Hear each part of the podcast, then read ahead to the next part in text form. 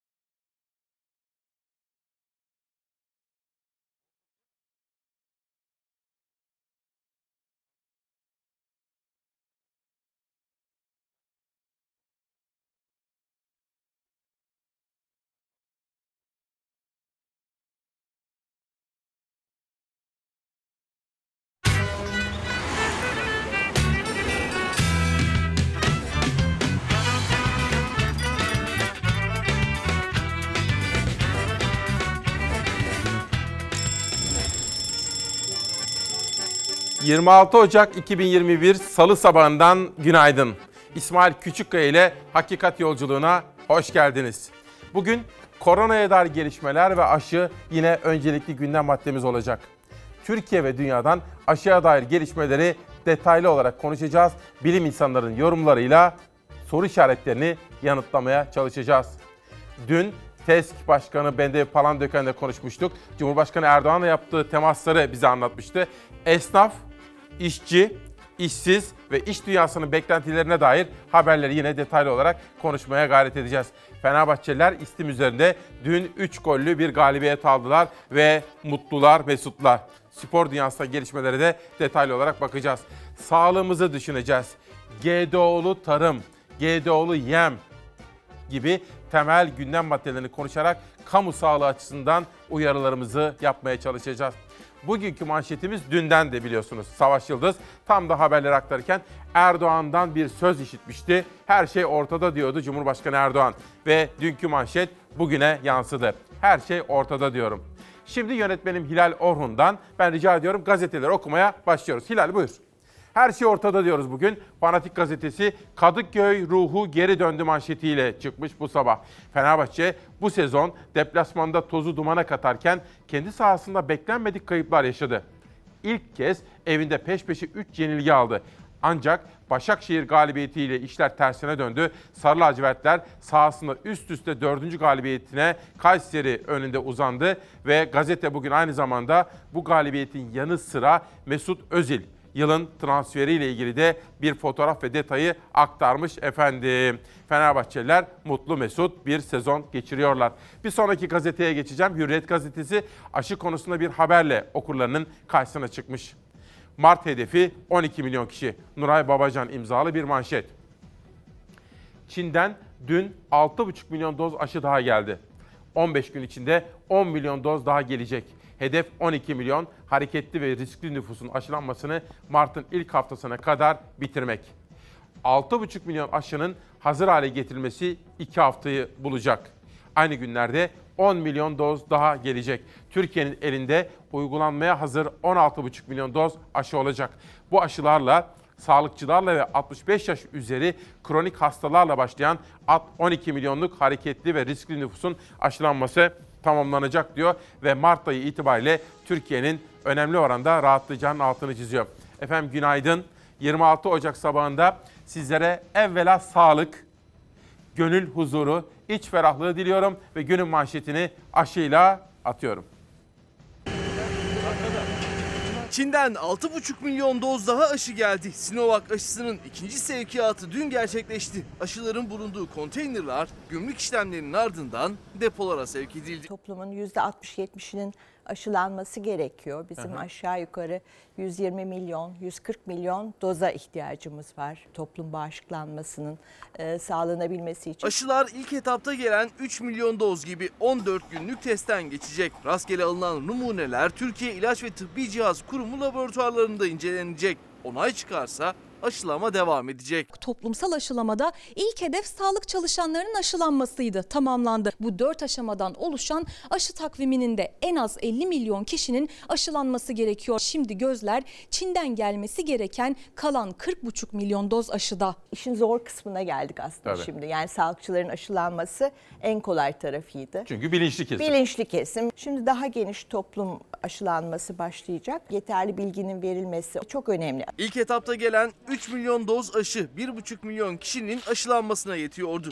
İkinci etapta gelen 6,5 milyon doz aşı 3 milyon 250 bin kişinin daha aşılanmasını sağlayacak. Eldeki mevcut aşılarla toplam 4 milyon 750 bin kişi aşılanabilecek. Türkiye'nin elindeki tek aşı olan ve kalan 40,5 milyon doz Çin aşısının ne zaman geleceği ise belli değil. Dünden itibaren 80 yaş üzeri kişiler de aşılanmaya başladı. Çalar Saat'te İsmail Küçükkaya'nın konu olan İstanbul Tabip Odası Başkanı Profesör Doktor Pınar Sayıp ise aşı tedariği konusunda dünyada yaşanan adaletsizliğe dikkat çekti. İngiltere, Amerika, Kanada kendi nüfuslarının 9 katı, 7 katı, Ya. 5 katı maalesef aşı ısmarlamış durumdalar. Dünyanın çok yoksul, az gelirli ülkelerinde e, bu yok. Ne yazık ki sadece 25 aşıya ulaşan ülkeler var. E, Bu tabii çok ciddi bir adaletsizlik. Günlük aşı tablosunu da dünden itibaren canlı olarak paylaşmaya başladı Sağlık Bakanlığı. Hangi ilde kaç kişinin aşı olduğu bilgisi veriliyor. Veriler 10 dakikada bir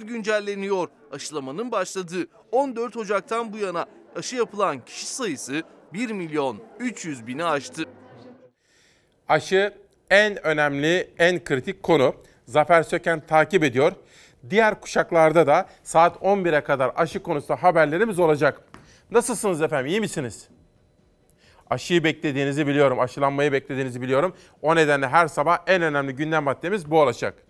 Dünyadaki gelişmelere de bakacağım. Ayrıca ekonomiye dair yaşadıklarınızı da biliyorum. Başta esnafımız olmak üzere işsizlerimiz ve geçinemeyenlerle ilgili haberleri de aktaracağım. Bugünkü etiketimizi hatırlatmak isterim. Her şey ortada. Bir de sizlerden gelen yorumlar. Buyurun okuyalım. Günaydın İsmail Bey. Belediye şirket işçileri kadro alamadı. Bizler yine mağduruz diyor. Güneş doğmadan yürüyenler sabahınız aydınlık, güneşiniz ülkemizi aydınlatsın, hayırlı sabahlar olsun. EYT'li bir kardeşim Mustafa Ölmez. Her şey ortada diyoruz Mehmet Yetişen. EYT'li bir başka arkadaşım konuşmaya gerek yok her şey ortada. Maalesef işçiye, çiftçiye, esnafa, emekliye, EYT'liye emeğiyle var olmaya çalışana yaşam hakkı yok diyor. Ama yaşam hakkı arayacağız, hakkımızı arayacağız. Erhan Karabulut da ülkenin ekonomik durumunu, esnafın yaşadıklarını gündeme taşımış. Bu yorumlar önemli efendim. Sizin sesinizi duymalıyım ve duyurmalıyım. İşte bu nedenle sizlerin bana gönderdiği yorumları önemsiyorum. Böylece Hürriyet gazetesinden pencereye geçeceğim. Bir de hak, hukuk, adalet diyeceğiz. Hak, hukuk, adalet. İşte manşetler. Cumhurbaşkanına yakın bir isim, Uçum. Pencere diyor ki, uçumun keyfine göre hukuk. Anayasa Mahkemesi ve ahim kararları bağlayıcı değildir. Cumhurbaşkanlığı Hukuk Politikaları Kurulu Başkan Vekili ve Cumhurbaşkanı Başdanışmanı Mehmet Uçum, Avrupa İnsan Hakları Mahkemesi kararlarının esasdan bağlayıcılığı olmadığı görüşünü dile getirdi. Uçum, AHİM ve AYM'nin kararları hiyerarşik değil yönlendirici denetimdir. AHİM ve AYM'nin kararları dosyaların yeniden ele alınması konusunda bağlayıcıdır. Mahkemeler yeniden bakmak zorundadır diyor. Şimdi burada efendim hemen şunu söyleyeyim. Böyle fıkralar vardır Anadolu'da biliyorsunuz değil mi? Hani kafana göre hoca bulursan, kafana göre imam bulursan diye hat- onları hatırlatmama gerek yok. Hepiniz bilirsiniz. Anayasa Mahkemesi'nin verdiği kararlar bağlayıcıdır efendim. Daha 3 gün evvel Adalet Bakanı Sayın Abdülhamit Gül de bunu söyledi. Sayın Erdoğan'ın keşke etrafında evrensel hukuk kurallarını bilen, anayasamızın hepimizi bağlayıcı özellikleri taşıdığını anlayan, bilen ve bunu Sayın Erdoğan'la birlikte konuşan danışmanları olsa diye aklımdan geçti. Yoksa keyfine göre, hoca keyfine göre danışman bulursan o zaman istediğin kararları çıkarırsın. Bu aslında iyi bir şey değildir diyor ve geçiyorum sonraki manşete. Adalet Bakanı dedi. Anayasa bağlayıcıdır efendim demesine bile gerek yok. Malumun ilanı derler değil mi efendim? Malumun ilanı. Yani ortada bir gerçek vardır zaten onu kabul ederiz hepimiz. Ve bakın Osman Can profesör tanımıyorum demek artık devlet olmamaktır.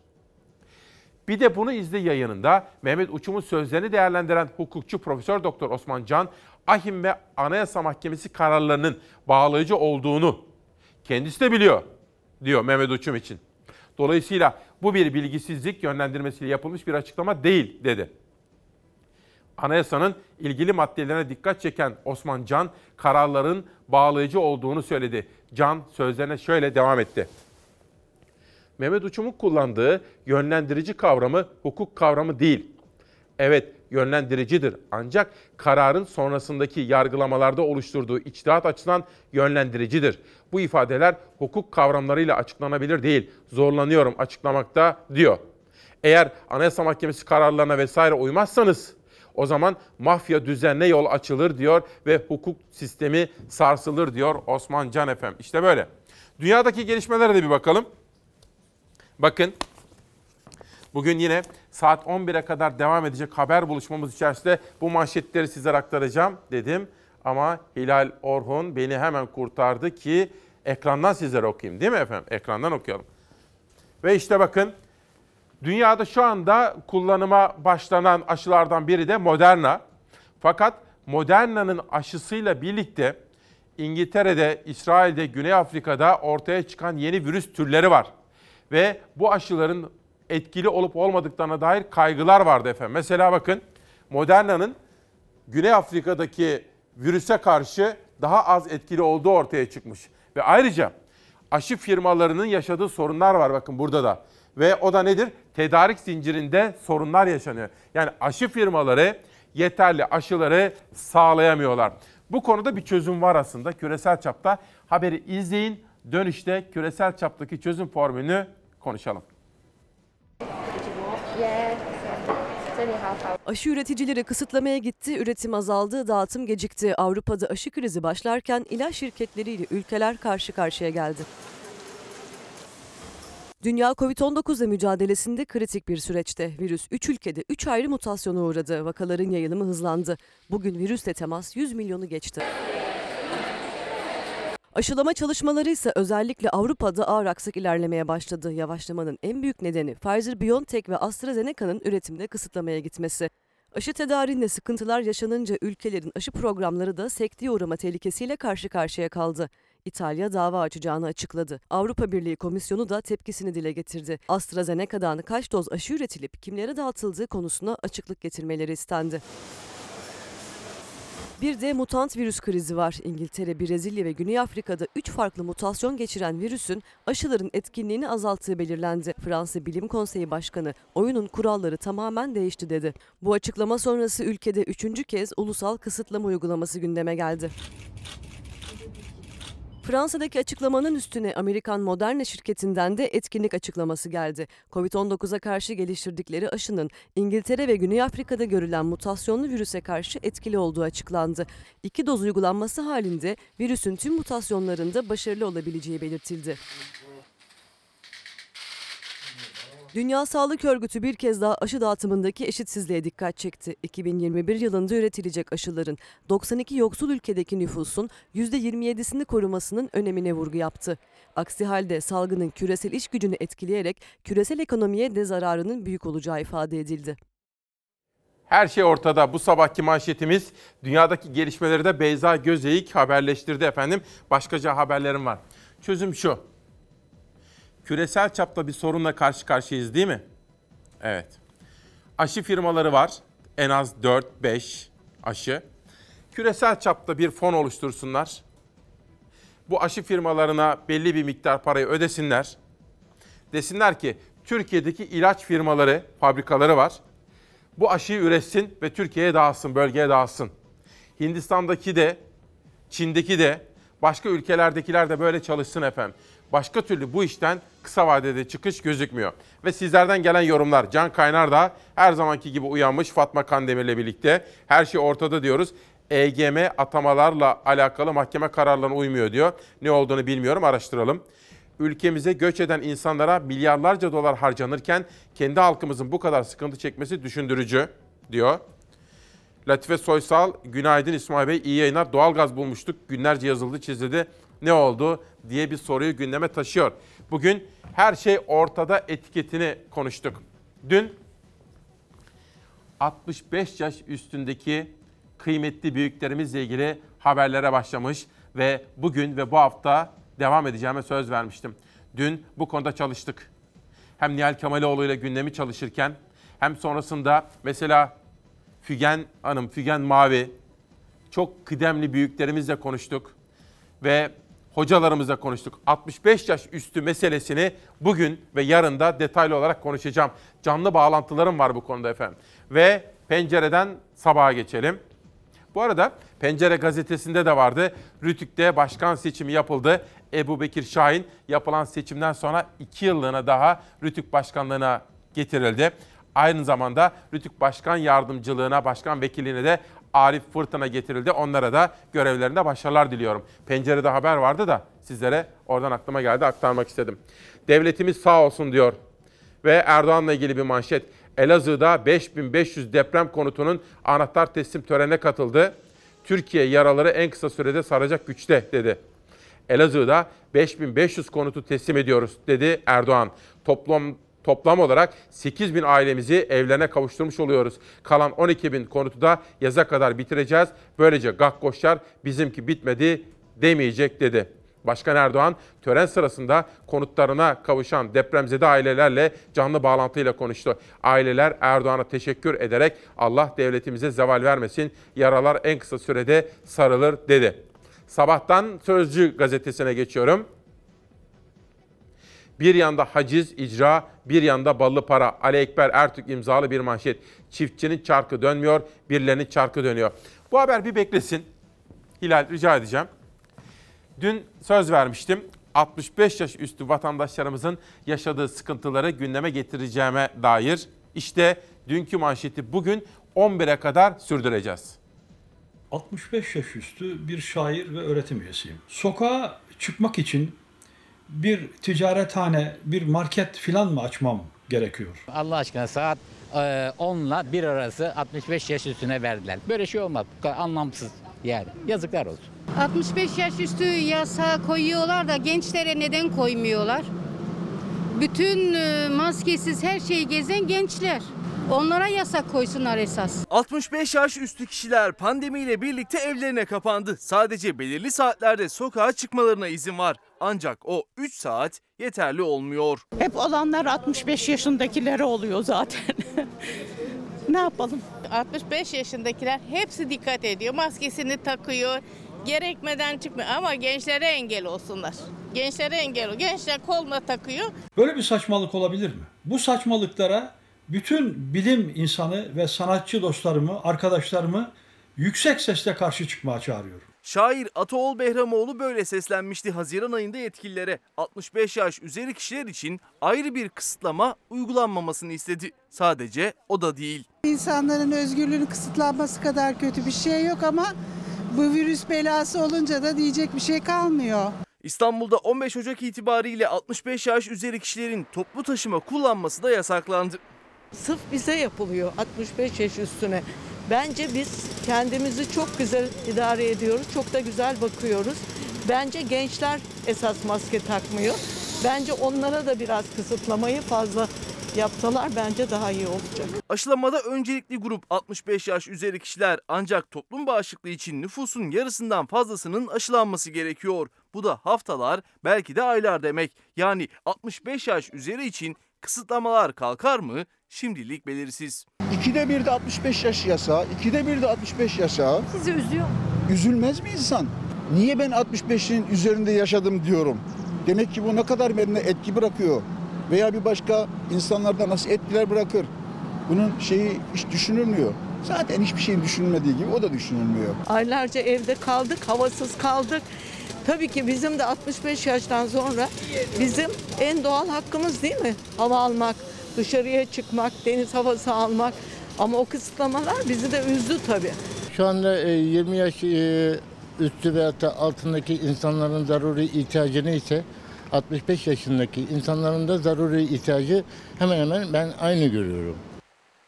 Bu sabah 11'e kadar hem aşı konusu ana gündem maddesi olacak hem de 65 yaş üstüne uyguladığımız bu kısıtlamalarla ilgili haberlerim olacak. Biraz sonra Figen Mavi Hanım'la konuştuk. Onun bu konudaki çağrılarından bahsedeceğim. Ayrıca Yaşlı Hakları Derneği diyor ki bakın 65 yaş üstündeyiz diyelim.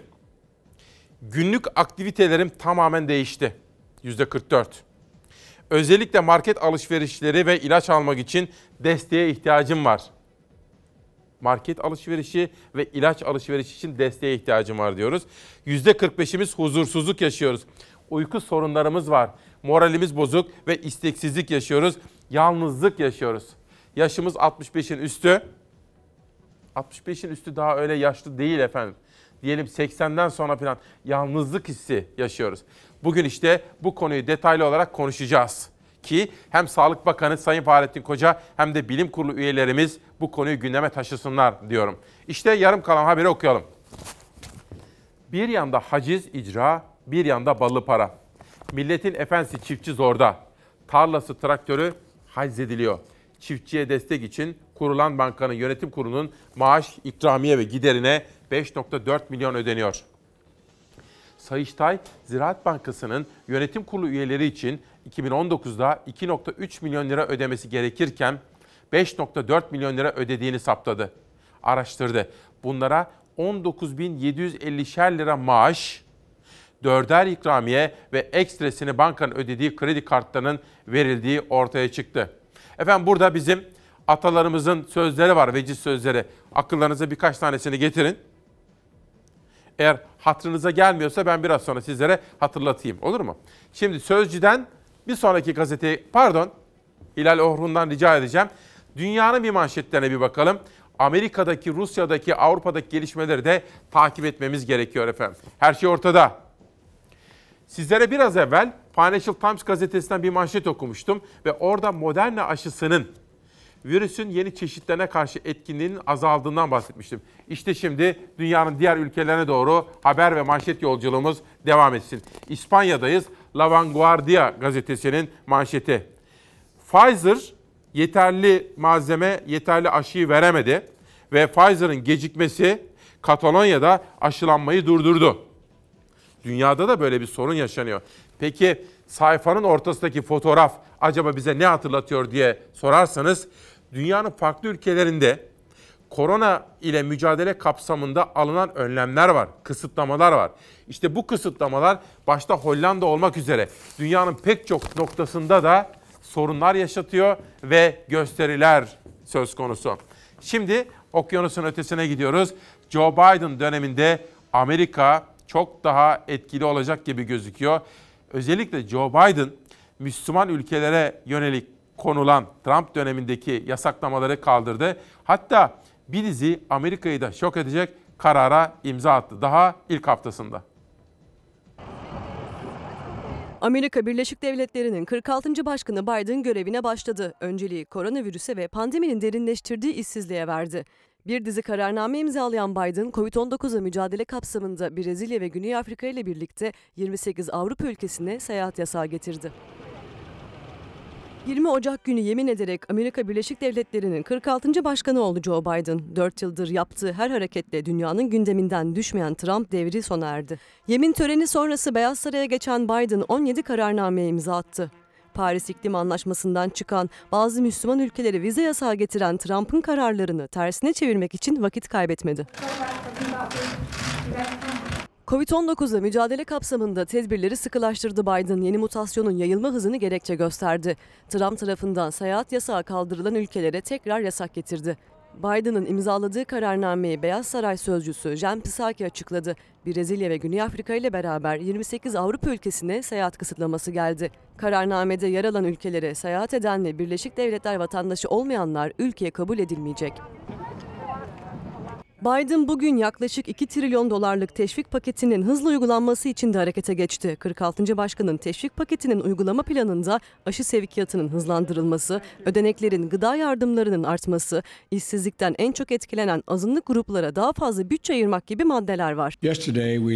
900 binden daha fazla Amerikalının işsizlik başvurusunda bulunduğunu öğrendik. Kendi hataları olmaksızın işsiz kalarak saygınlıklarını, itibarlarını kaybeden milyonlarca Amerikalının arasına katılan 900 bin insandan bahsediyorum. Onların hiçbiri bu şekilde işsiz kalacaklarını düşünmemişti. First Lady Jill Biden da Washington'da bir sağlık merkezini ziyaret etti. Kanser hastalarının COVID-19 yüzünden tedaviye erişemediğine dikkat çekti. Tıbbi maskenin zorunlu hale gelmesinden de duyduğu memnuniyeti dile getirdi. Okay, maybe I don't believe in wearing a mask, but I'm going to wear it for my neighbor who is a cancer survivor and, you know, is immune. Trump'ın 6 Ocak kongre baskınından sorumlu tutularak siyasetten men edilmesi Birleşik Devletler'in en önemli gündemi. Senato 8 Şubat'ta Trump'ı yargılamak için toplanacak. Ancak eski başkan Trump için durum eskisi kadar kolay değil. Çünkü Senato'da eskiden Cumhuriyetçilerde olan üstünlük artık Demokratlarda. Trump'ın siyasetten azledilmesi için oyların eşit çıkması gibi bir durum yaşanırsa son sözü başkan yardımcısı Kamala Harris söyleyecek. Dünyadan başka manşetler de var. Ayrıca bugünkü buluşmamız içerisinde aşı, 65 yaş üstü ve ayrıca esnaftan gelen yorumları da konuşacağız. Esnaf haberlerimiz yine yoğun olarak karşılığını bulacak. Dün Bendevi Palandöken'le esnaflar adına yaptığımız görüşmede Cumhurbaşkanı Erdoğan'la yaptığı temasta ilişki manşetler almıştık. Bugün yine ondan bahsetme imkanı bulacağım. Ayrıca Afyonkarahisar'da kentsel dönüşüm haberi var. Onu takip ediyoruz. Bunun dışında GDO'lu ürünler, yem, GDO'lu yem. Peki biz hayvanlara genetiği değiştirilmiş ürün ve yem yedirirsek biz ne yemiş oluruz? İşte bu konuları da konuşmaya gayret edeceğim. Biraz evvel sizlere Sözcü'deki haber üzerine atasözlerimizi sormuştum. Aklınıza ne geldi demiştim. Teknik yönetmenim Adem diyor ki, ak akçe kara gün içindir. Ama benim aklımdaki o değildi. Yunus ne diyor? Yunus da diyor ki, düşenin dostu olmaz. Bu da bir atasözü. Ama benim aklımdaki o da değildi. Ben biraz daha zihinleri çalıştırmaktan yanayım efendim. Biraz sonra de- detayını konuşalım.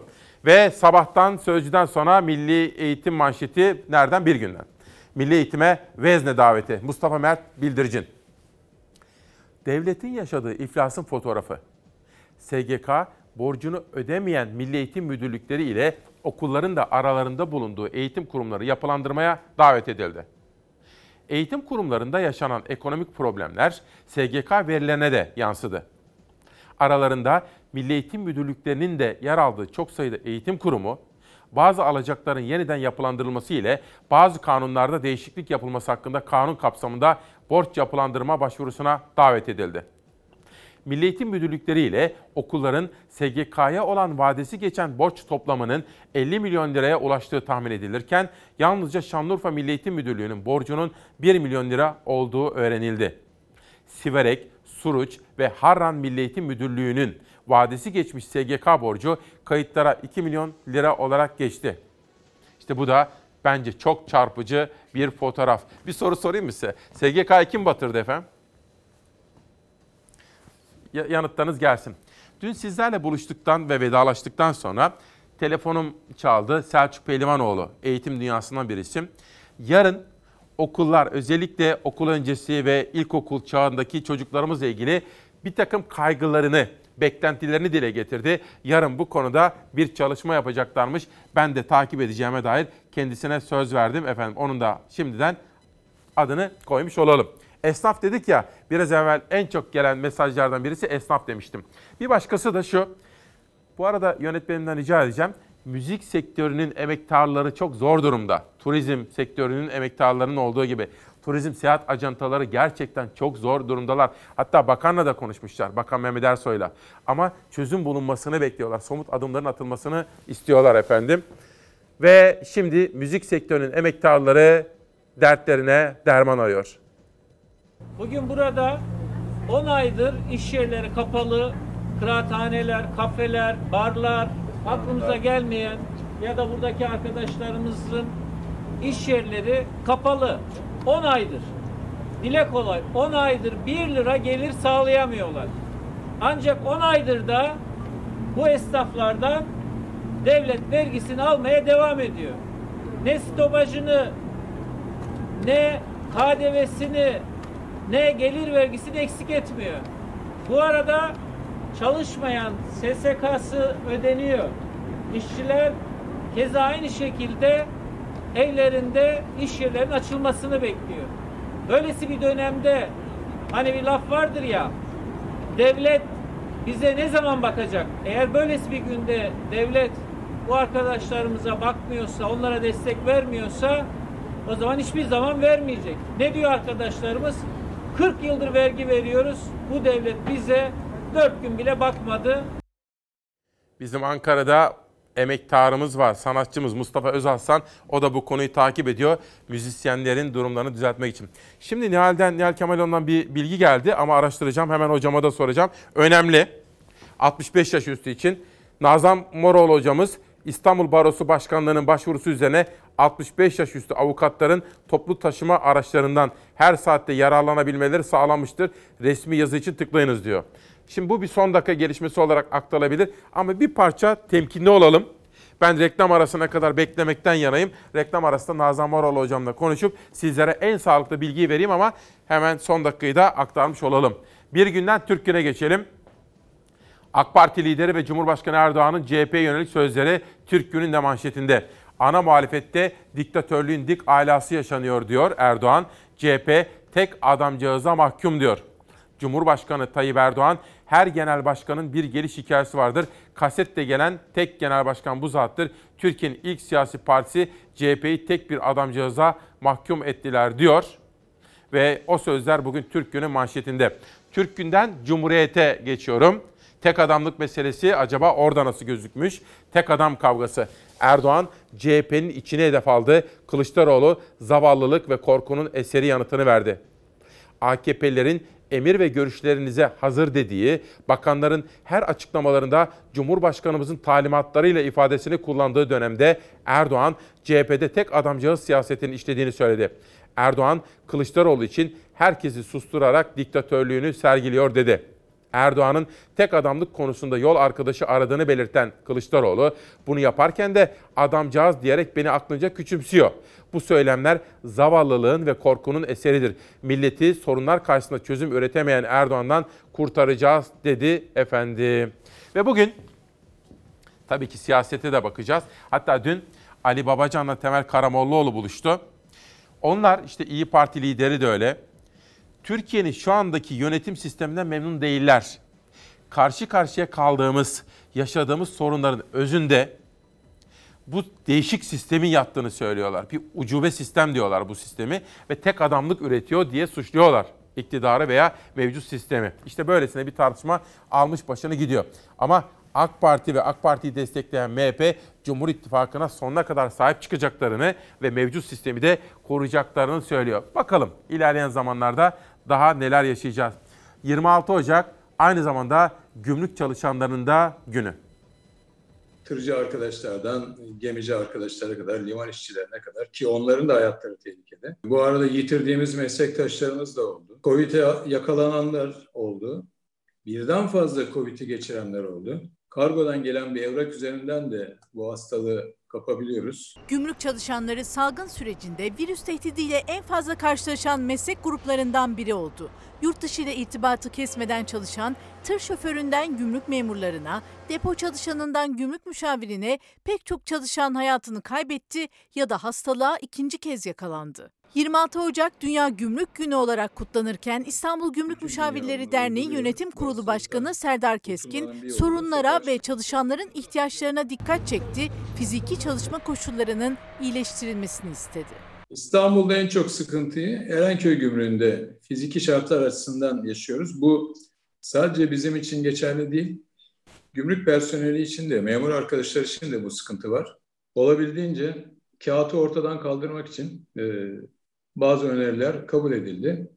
Özet olarak dijitalleşme bu süreçte ön plana çıktı. Buna rağmen saha operasyonlarımız devam etmektedir. Dijital kolaylıklar sağlansa da saha çalışmaları devam ediyor. Gümrük kapılarında çalışanlar Dünya Gümrük Günü'nü sorunların gölgesinde kutluyor. Fiziki şartların iyileştirilmesi bir yanda gümrükler hafta sonu yasaklarında çalışıyor. Gümrük müşavirleri de yasaklardan muaf tutulmadı. 30 Kasım'da çıkan genelgede diyor ki gümrükler çalışacak diyor. Biz gümrüklere girmezsek gümrükler nasıl çalışacak? İstanbul ve Kocaeli Valiliğinden izin alındı çalışmak için ama gümrük kapıları Türkiye'nin dört bir yanında. Biz de avukatlar gibi gümrük bayrağının dalgalandığı her yerde hizmet veriyoruz. Yani Türkiye genelinde bizim istisnaya tabi olmamız lazım. Ben İstanbul Gümrük Müşaviri olarak Mersin'de veya İzmir'de bir iş takibine gidecek olursam, arabayla gideceksem İstanbul'dan İzmir'e kaç tane vilayet geçeceğim? Bu sıkıntı yani bizim için. Bir başka sıkıntı da maliyet. Otoyol ve köprülere gelen zamlar gümrük firmalarının maliyetlerini katladı. E, yılbaşında da ertesi günde hemen biliyorsunuz köprü ve yollara %25 zam yapıldı. İşimiz zamana karşı, zamana karşı mücadele ediyoruz. GDO'lu ürünler demiştim ya sizlere sağlığımız konusundaki haberlerden bahsetmiştim. Bir de sanattan bahsedeceğiz. Balenin nasıl kıymetli bir sanat olduğunu anlatmamız gerekiyor efendim. Bugün özel bir çalışma yaptık. Bale spor değildir. Bale bir sanattır. Hem de sanatların en estetik olanlarından birisidir. Bugün yine bu konuyu değineceğim efendim. Diyarbakır'dan İzmir'e Türkiye'nin yerel gazeteleri. Diyarbakır 195 bin öğrenci görmezden gelindi ve Diyarbakır'da kayıtlı öğrenci sayısının 492.975 olduğunu ifade eden Eğitim Sen Bir Nolu Şubesi Eğitim Sekreteri Hatice Efe, Eylül 2020'de 8. sınıfı bitiren 47.228 öğrenciden 4.300'ünün örgün eğitime kayıt yaptıramadığını söyledi. Şimdi Türkiye'nin bir saniyenizi alacağım. Böyle durun, dur dur dur. Yunus pardon. Bakın Diyarbakır'ımızda hop benim kolum bac. Heh, böyle dursun bir dakika. Heh, burada dursun. Bravo. Ben de biraz hareketliyim ya kusura bakmayın ne olur. Bakın 8. sınıfı bitiren 47.228 öğrenciden 4300'ünün örgün eğitime kayıt yaptıramadığını söyledi. Şimdi Diyarbakır Milli Eğitim Müdürlüğümüzün derhal harekete geçmesini istiyorum. Bu 4000 çocuğumuzu, 4300 çocuğumuzu bulmalı ve eğitime devam etmelerini sağlamalıyız. 4300 hayat, 4300 gelecek, 4300 aile demek bu. Her bir çocuğumuza ulaşmalıyız ve onları eğitime devam etmeye ikna etmeliyiz efendim. Bu bizim boynumuzun borcu olsun. Diyarbakır'dan İzmir'e geçiyorum. Özbek ve Mordoğan'da arıtma tesislerine tepki. Özbek ve Mordoğan'da yapılacak olan arıtma tesislerinin yer seçimi göre sakinleri tedirgin etti. Arıtma tesislerinin ekolojik sisteme ve çevreye büyük zarar olacağını belirtenler sosyal medyada kampanya başlattılar diyor efendim. Ve bugün acaba 26 Ocak 2021'de bugün nasıl bir hava durumu bizleri bekliyor? İşte yanıtı.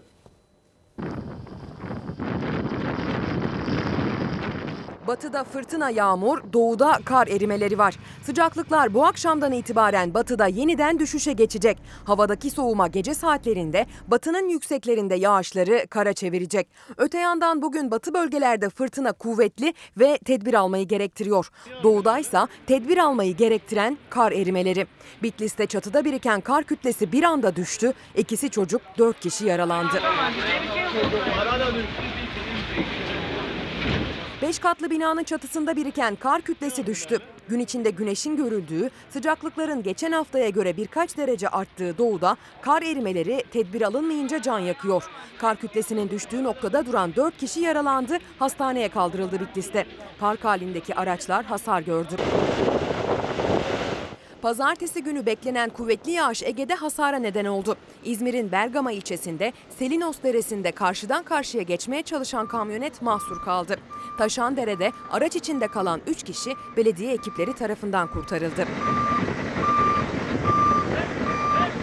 Balıkesir Edremit'te kuvvetli sağanak nedeniyle su baskınları yaşandı. Semt pazarını ve birçok iş yerini su bastı. Cadde ve sokaklar göle döndü. Bodrum katlarda su baskınları yaşandı. Komşu Ayvalık'ta da yağış kuvvetliydi. Su baskınlarının yanı sıra fırtına da mağdur etti. Kıyıda bağlı balıkçı tekneleri ve takalar alavora oldu. Pazartesi günü tüm Ege kıyılarında benzer mağduriyetler yaşandı. Muğla'nın Bodrum ilçesinde de fırtınanın hızı saatte 70 kilometreye kadar çıktı. Gümbet sahilinde 4 milyon lira değerindeki ahşap gulet halatlarını koparıp karaya oturdu.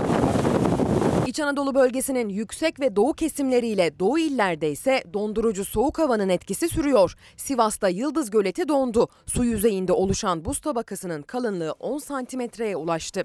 Sivas'ta gece saatlerinde termometreler eksi 15 dereceye kadar düşüyor.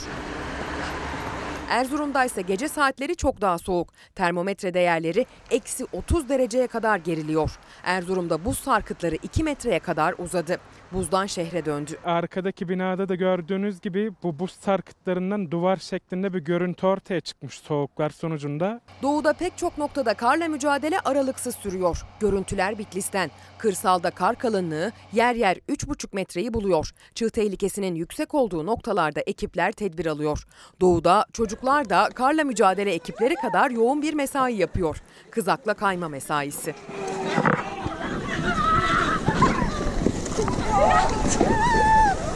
Çok eğlenceli. Çok eğlenceli abi. Muhteşem. Çok eğlenceli. Yani biraz korkuyoruz ama çok eğlenceli. Erzurumlu çocuklar dondurucu soğuk havaya rağmen kızakla kayarak keyifli zaman geçiriyor. Yakutiye ilçesinin Umudum köyünde çocuklar kendi imkanlarıyla yaptıkları tahta kızaklarla kayıyor. Kızağını kapan karlı ve buzlu rampalarda alıyor soluğu. İçiniz ısındı değil mi? Güzel çocuklar, bizim çocuklarımız Ezgi Gözeger haberleştirdi efendim. Bu arada Fatma da diyor ki az evvel hani atasözlerimiz demiştik. Minareyi çalan kılıfını hazırlar. Sefer Yılmaz, İsmail Bey, vinç sektörünün de cumartesi pazar çalışması gerekir. Ekmek davası diyor. Emekli zor durumda diyoruz ya bakın aynı zamanda güzel yüreklidir bizim büyüklerimiz. Evet emekliyim ama biz neyse işsiz güçsüz insanlar onlar ne yapsınlar diyor bakın. Hani en azından karnımızı doyurabiliyoruz diyor emekli. Zor durumdalar ama. Ve sosyal medya manşetleri Cumhurbaşkanlığı Strateji ve Bütçe Başkanlığı raporu kapanan şirket sayısı %43.6 arttı. İşte bakın devletin en yetkili makamlarından gelen bilgiler. Dün bu konuda Bendevi Palandöken'le yapmıştık bir röportaj hatırlarsınız. Ankara Büyükşehir Belediyesi'nden çiftçiye destek projesi 3 ilçede 400 ton kırmızı mercimek tohumu hibesi. Burada başkanı tabii tebrik ediyorum ama şunu da söylemek isterim. Ankara Mimar Odası'yla biraz işbirliği içinde çalışmalarında, Ankara'nın kentsel dokusunu korumak konusunda işbirliği yapmalarında büyük fayda gördüğümü de naçizane bir Ankara aşığı olarak ifade etmek isterim. Bir gün Tezcan Hanım'ı davet etsin de aslında sorunları konuşsun isterim Mansur Yavaş için. Bazı şikayetlerini gördüm sosyal medyada. Erdoğan fiyatların düşürmesi talimatını verdi. Yağ, bakliyat, sebze ve meyvede fiyatlar öncelikli meselemiz dedi. Ne dersiniz efendim? Böyle talimatla fiyatlar düşer mi? Keşke düşse. Keşke düşse. Reklam mı diyelim? Hilal diyor ki reklam diyelim. Peki o zaman şu kitabı bir tanıtayım izin verirseniz. Dönüşte aşı manşetim var. Esnaf manşetim var. işsiz manşetim var. 65 yaş üstüne getirilen kısıtlamalar konusunda haberlerim var. Ve bir de Demokrasi Meydanı'na Ankara'dan davet ettiğim bir konu var. Günün ilk kitabını tanıtalım. Songül Baş, Yeşil Kapı. Saat 8.41. Ne demektir efendim? İsmail Küçükkaya ve Çalar Saat ailesi için günün ilk sade kahvesi için zaman geldi demektir. Bugün günlerden salı 26 Ocak 2021 salı sabahında İsmail Küçükkaya ile mavi bir sabahtasınız. Günaydın. Her şeyden evvel sağlık dileklerinde bulunmak istiyorum sizlere. Hava durumu var, aşı haberleri var, korona manşetleri var, GDO'lu ürünler ve halk sağlığı konusunda çalışmalarımız var. Bale ve sanat konusunda çalışmalarımız var. Esnaf ve işçi, işsiz, hak arama mücadelesi veren emekçilerin haberleri var. Yönetmenim Hilal Orhun'dan şöyle bir dışarıyı gündeme getirmesini rica edeceğim. Dışarıya bir bakalım. Her şey ortada bu sabah. Bakın. Günaydın Türkiye'm. İsmail Küçükkaya ile Demokrasi Meydanı'na hoş geldiniz. İşte şimdi günün hava durumu. Fırtına batı kesimlerde önüne kattığını uçuracak, akşam ve gece saatlerinde batıda yağış kuvvetini arttıracak. Gece saatlerinde Trakya'da kar beklentisi de var. Bu gece ile çarşamba günü ilk saatlerde batıda fırtına ve kuvvetli sağanak mağduriyeti yaşanabilir. Bugün gün içinde fırtınaya dikkat.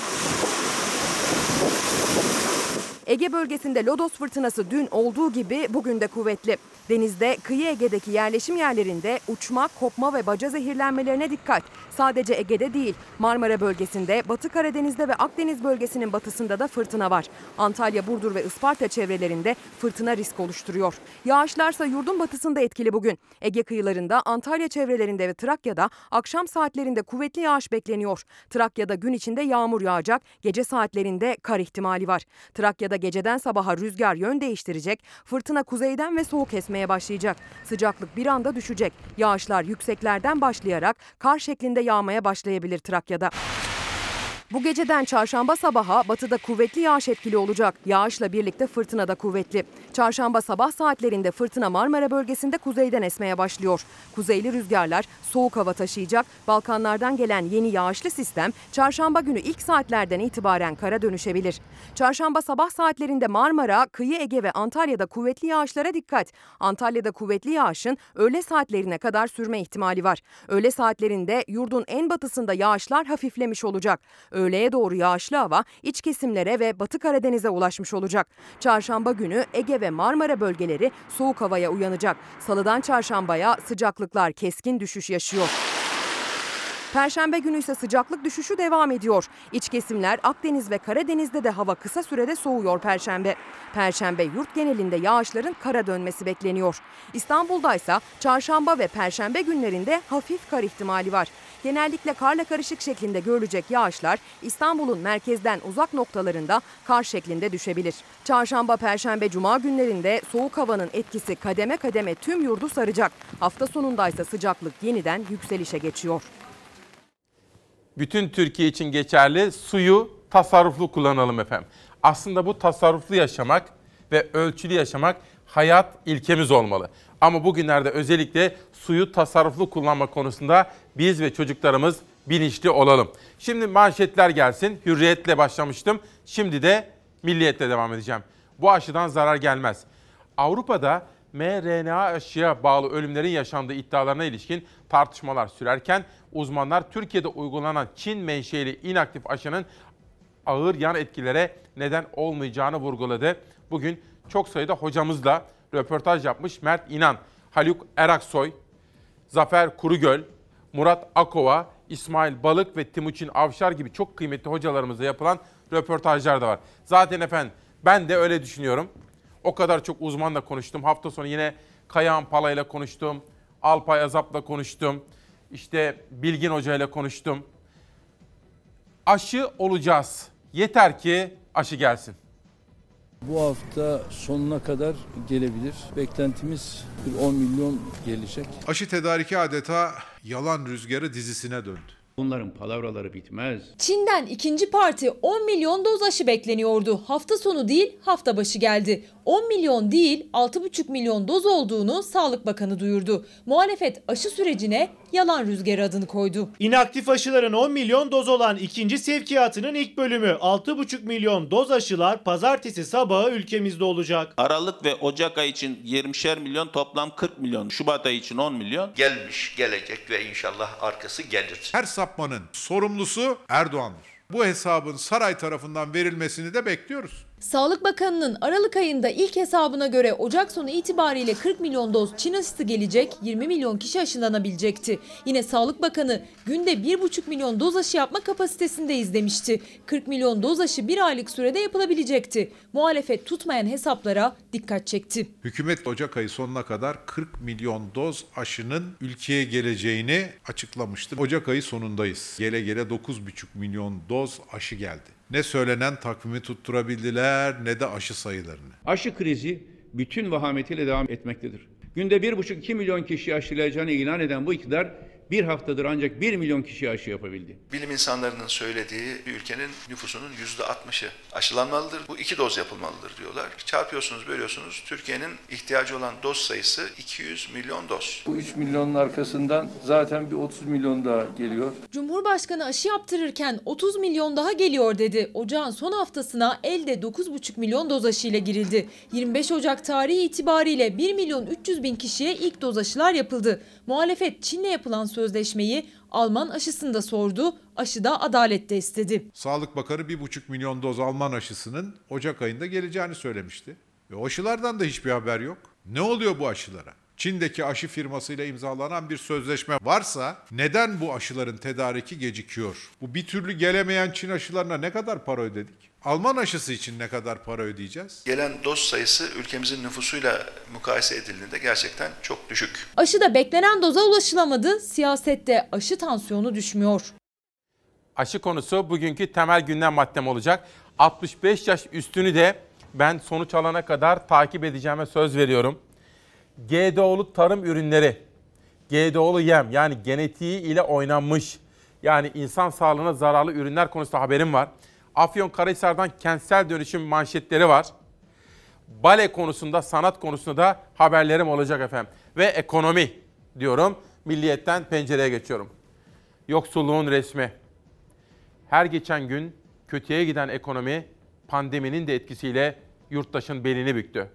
Hava sıcaklığının eksi 3 dereceye kadar gerilediği Bingöl'de vatandaş bir marketler zincirinin reyonundan kalan sebze ve meyveleri toplarken görüntülendi. Yeni Doğan Mahallesi'nde meydana gelen olayın görüntüleri çevredeki yurttaşlar tarafından çekildi. HDP Bingöl Belediye Meclis Üyesi Ferhat Yıldırım görüntülere insanlığın bittiği an diyerek tepki gösterdi. Geçen günlerde de Kayseri'de eksi 4 derecede ucuz elma kuyruğunda bekleyen vatandaşlar bu kuyruk yokluk kuyruğu diyerek tepki göstermişti. Nasıl efendim haliniz? Ekonomik olarak soruyorum. Önce sağlığınızı sordum ya bir de ekonomik olarak soruyorum. Geçim derdiniz var mı? Ayın sonunu getirme meseleniz var mı? Şöyle buzdolabının kapağını bir açtığınızda gördüğünüz manzara nedir? Ya da çoluğunuz çocuğunuz yanınıza geliyor ya da torununuz. Onlara ne alabiliyorsunuz? Bunları konuşmamız gerekiyor. Başka televizyonlara baktığımız zaman hiç konuşmuyorlar. İnanın Türkiye'deki televizyonların %90'ında hiçbir şekilde bu meseleler gündeme gelmiyor. Akşamlara bakın tartışmalara. Oo, boş boş tartışmalar. Hani böyle havanda su dövmek derdi ya büyüklerimiz küçükken. Öyle. Ama biz konuşalım çünkü memleketin faydasına gelen şeyler ülkenin sorunlarını da çözüm önerilerinde dile getirmekten geçiyor. Bunu biliyoruz efendim. Sırada Zafer Söken tarafından güncellenen 25 Ocak'tan 26 Ocak'a geçerken Türkiye'mizin korona konusunda yaşadığı olaylar ve günlük bilanço. Aşılama çalışmaları sürerken virüs bulaşmaya ve can almaya devam ediyor. Sadece dün 5642 kişi daha virüse yakalandı. Koronavirüs nedeniyle 137 kişi hayatını kaybetti. 25 Ocağı ait koronavirüs tablosunu paylaştı Sağlık Bakanlığı. Bir önceki güne göre dalgalanma vardı tabloda. Test sayısı 24 Ocağı göre yaklaşık 3000 arttı. Vaka sayısı da benzer şekilde yükseldi. Önceki gün 5277 olan vaka sayısı dün 5642'ye yükseldi. Can kaybı bir önceki güne göre azalsa da hala çok yüksek. 24 Ocak'ta 140 kişi hayatını kaybetmişti. Dünse koronavirüs yüzünden hayatını kaybedenlerin sayısı 137 oldu. 137 kişinin hayatını kaybetmesiyle bugüne kadarki toplam vefat sayısı ise 25.210 oldu.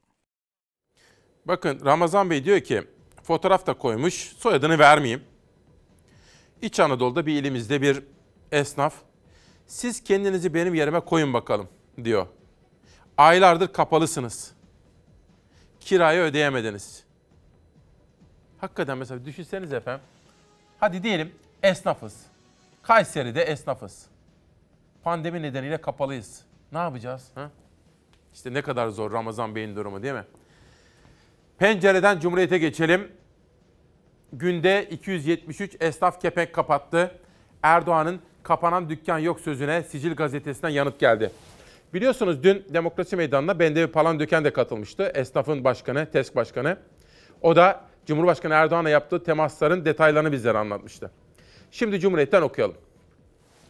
Halkın günden güne yoksullaştığını, iflasların her geçen gün arttığını görmeyen, esnafın yazar kasam kilitli, borç içindeyim çığlığını duymayan iktidara en çarpıcı ve somut yanıt Türkiye Esnaf ve Sanatkarlar Sicil gazetesinden geldi. Verilere göre 2020'de her gün ortalama en az 273 esnaf iflas etti. 2020'de en az 99.589 esnaf meslekten ve sicilden terkini yaptı, kepenk kapattı. Eve ekmek götüremiyoruz diyen esnafa bana çok abartılı geldi. Al keyif çayı iç diyen Cumhurbaşkanı Erdoğan'a bu kez de Ankara'da kafe ve bar emekçileri seslenerek parti kongreleri yapılabiliyorsa iş yerleri de açılsın dedi. Peki o halde işte Ramazan Bey, işte esnafımızın manşetleri. Esnafın sesini duyarsak ülkemiz çok daha rahat nefes alır diye düşünüyorum.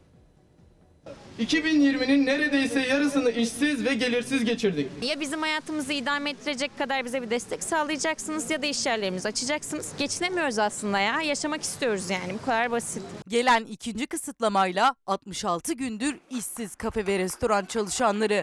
Barlar, meyhanelerse 310 gündür kapalı. Ama dükkanların kiraları ödenmeye devam ediyor. Elektrik, su, doğalgaz faturaları da gelmeye. Doğalgaz faturaları geldi. Elektrik, su, stopaj, kira her şey devam ediyor. Esnafı destekleyen şu anda hiçbir kurum kuruluş yok. Gelir? Ya Gelir yok. Elde avuçta ne varsa gitti. O yetmedi. Borçlandık. Bankada kaşımıza gözümüze vermiyor. Dayanma gücü kalmadı. İşte bugün de borç peşindeydik. Esnaf sokakta eylemdeyken Cumhurbaşkanı Erdoğan'ın da esnafa müjdesi vardı. O müjdede dükkanları kapalı olan esnafın yüzünü güldürmeye yetmedi. bir müjde vermek istiyorum. Halkbank tarafından esnaf ve sanatkarlara kullandırılan faiz destekli kredilerin 6 aylık dönemde ödenmesi gereken taksitleri ertelenecektir. Hayırlı olsun. Para kazanmadıktan sonra ertelemenin çok ciddi anlamda bir e, getirisi olmuyor açıkçası. Yani sıkıntımız bu. Mesela AVM'ler açık, metrolar metrolar açık, otobüsler sabah tıklım tıklım. E, Gerçekten de gerildik artık, sinir haline geldik. Yani birbirimizi anlamaktan uzaklaştık. Yani öteleyelim bir yıl sonrasına. Bir yıl sonra neyle ödeyeceğim? Aylardır iş yapamıyor. Özellikle kafe, restoran ve bar işletmecileriyle çalışanları Kadıköy'de eylemdeler. Onlar bugün her hafta olduğu gibi Kadıköy'den seslerini duyurmaya çalışıyorlar. Giderleri devam ediyor ama gelirleri yok. Türkiye genelinde 5 ilde sokakta eylemdeydi esnaf. Ankara, İstanbul, Antalya, Samsun ve Bursa'da 2 ayı aşkın süredir iş yapamayan lokanta, kafe ve işletmecileriyle çalışanları hep bir ağızdan aynı sloganla döküldü sokağa. Ama Ankara'da polis esnafın basın açıklaması yapmasına izin vermedi. Ankara'nın eğlence mekanlarıyla ünlü caddesi Sakarya. Buradaki esnaf aylardır kapalı. Seslerini duyurmak için hemen iş yerlerinin önünde kendi sokaklarında bir eylem yapacaklardı. Ama polis izin vermedi. Onlar da kendi aralarında kendi kendilerine anlatıyorlar dertlerini. Ya borcu öteliyorsun. Ya bu adam ne yiyecek? Çoluğu var, çocuğu var, açı var, toku var. Herkes var burada ya. Esnaf Bursa'da geçinemiyoruz diye eylem yaparken hemen yanı başlarından Uludağ'dan gelen maskesiz, mesafesiz korona partilerine tepkiliydiler. Hayat merkezleri dolu. Uçaklar açık. Buralara gelip bu yağmurlarda ıslanıp devlet büyüklerine derdimizi mi anlatmamız lazım? Esnafla ilgili iki haberim daha var ama şöyle bir 10-15 dakika içinde birini vereceğim. Bu arada 65 yaş meselesine değinmek istiyorum. Ama aynı zamanda Ankara Cumhuriyet Başsavcılığı terör örgütleriyle mücadele kapsamında yoğun çalışma yapıyor. Gelin Anadolu Ajansı'da gördüm. Ankara Cumhuriyet Başsavcılığı terör örgütü PKK-KCK'nın gençlik yapılanmasına yönelik soruşturma kapsamında 14 kişi hakkında gözaltı kararı verdi. Ankara Cumhuriyet Başsavcılığı FETÖ soruşturması kapsamında örgütün izdivaç yapılanmasına mensup 19 kişi hakkında gözaltı kararı verdi. Hoppala bu ne diyorsanız biliyorsunuz terör örgütleri bazen de böyle yapıyor. Hani katalog evliliği, diyor, evliliği diyorlar ya kendi militanlarını sen şununla evleneceksin, sen bununla evleneceksin diye planlama yapıyorlar. Bu konuda gündeme gelmiş. Bu arada şu mesajı da kaçırmak istemedim. Hurşit Güneş, profesör. Dünyanın en büyük sorunu korona salgını ve buna bağlı da işsizlik kol geziyor. Peki siyasetçiler neyi tartışıyor? Adamcağızı. Bütün televizyon kanallarının da tartışma konusu bu. İncir çekirdeğini doldurmayan boş konular. Yazık değil mi bu ülkeye, insanlığa? Ben bunu şöyle bir retweet yapayım ki gözüksün. Bu arada efendim şunu da söyleyeyim. Ben tabii her gün ekip arkadaşlarıma, buradaki emektar kardeşlerime, danışmanıma teşekkür ediyorum ya. Tabii Fox Haber'e, haber merkezimize, Ankara Haber Büromuza ne kadar teşekkür etsek azdır. Çünkü Türkiye'nin gerçek meselelerini gündeme taşımak için yoğun bir çaba sarf ediyorlar. Bu aslında milliyetçiliktir, bu aslında yurtseverliktir, bu aslında mesleğine aşık olmaktır. Onlara ne kadar teşekkür etsek azdır. Cumhuriyet'ten Türk'üne geçiyorum. Zelani'ne yürekleri ısıttı. Yalova'da yaşayan asılık çınar Zeliha Barlas'ın ördüğü 115 çift yün çorap Şırnak'ta zorlu kış şartlarında görevini sürdüren Mehmetçi'ye ulaştı. Irak sınır hattındaki Kureşin Tepe üst bölgesinde gündüz eksi, deri, eksi 8 derecede, gece eksi 15 derecede bu vatan için nöbet tutan hudut kartalları Zeliha Barlas'ın yüzü aşkın yaşına rağmen el emeği göz nuru ile ördüğü rengarenk çorap ve duygularını aktardığı mektup ile duygulandı diyor. O mübarek ellerinden öperim Zeliha ninemizin efendim. Dün burada tam da bu noktada İstanbul Tabip Odası Başkanı Pınar Sayıp hanımefendi geldi. Sorularımızı yanıtladı. Özellikle takipçi olduğumuz 65 yaş üzerindeki kıymetli büyüklerimizin uğradıkları muamele konusunda bir çift sözü vardı hocamızın. Ölüm oranları biraz daha e, hastalığa yakalandığında o yaş grup bunda yüksek olduğu için e, onlara bir takım yasaklamalarla tedbir alınıyor. Bu hiç doğru bir şey değil. Salgın dönemlerinde en çok dikkat edilmesi gereken nokta hiçbir kesimi, zümreyi ayrımcılık yapmamak gerekiyor. E, özellikle bu dönemde, e, bu pandemi döneminde maalesef 65 yaş üstüne çok ciddi ayrımcılık uygulandı.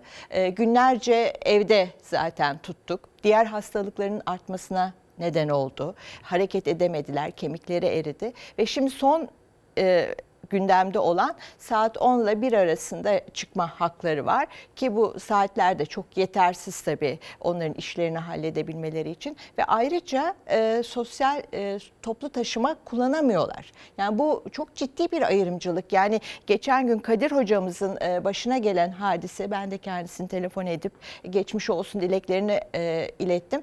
Öneri ne olabilir Pınar Hanım? Siz şimdi siz büyük bir kere bir meslek e, toplu taşımadan mutlaka yararlanmaları lazım. Yani HES kodu olan e, bir 65 yaş üstün için toplu taşımadan yararlanaması. Mühim olan o toplu taşımayı mesafe ve hijyen kurallarına uygun hale getirmektir.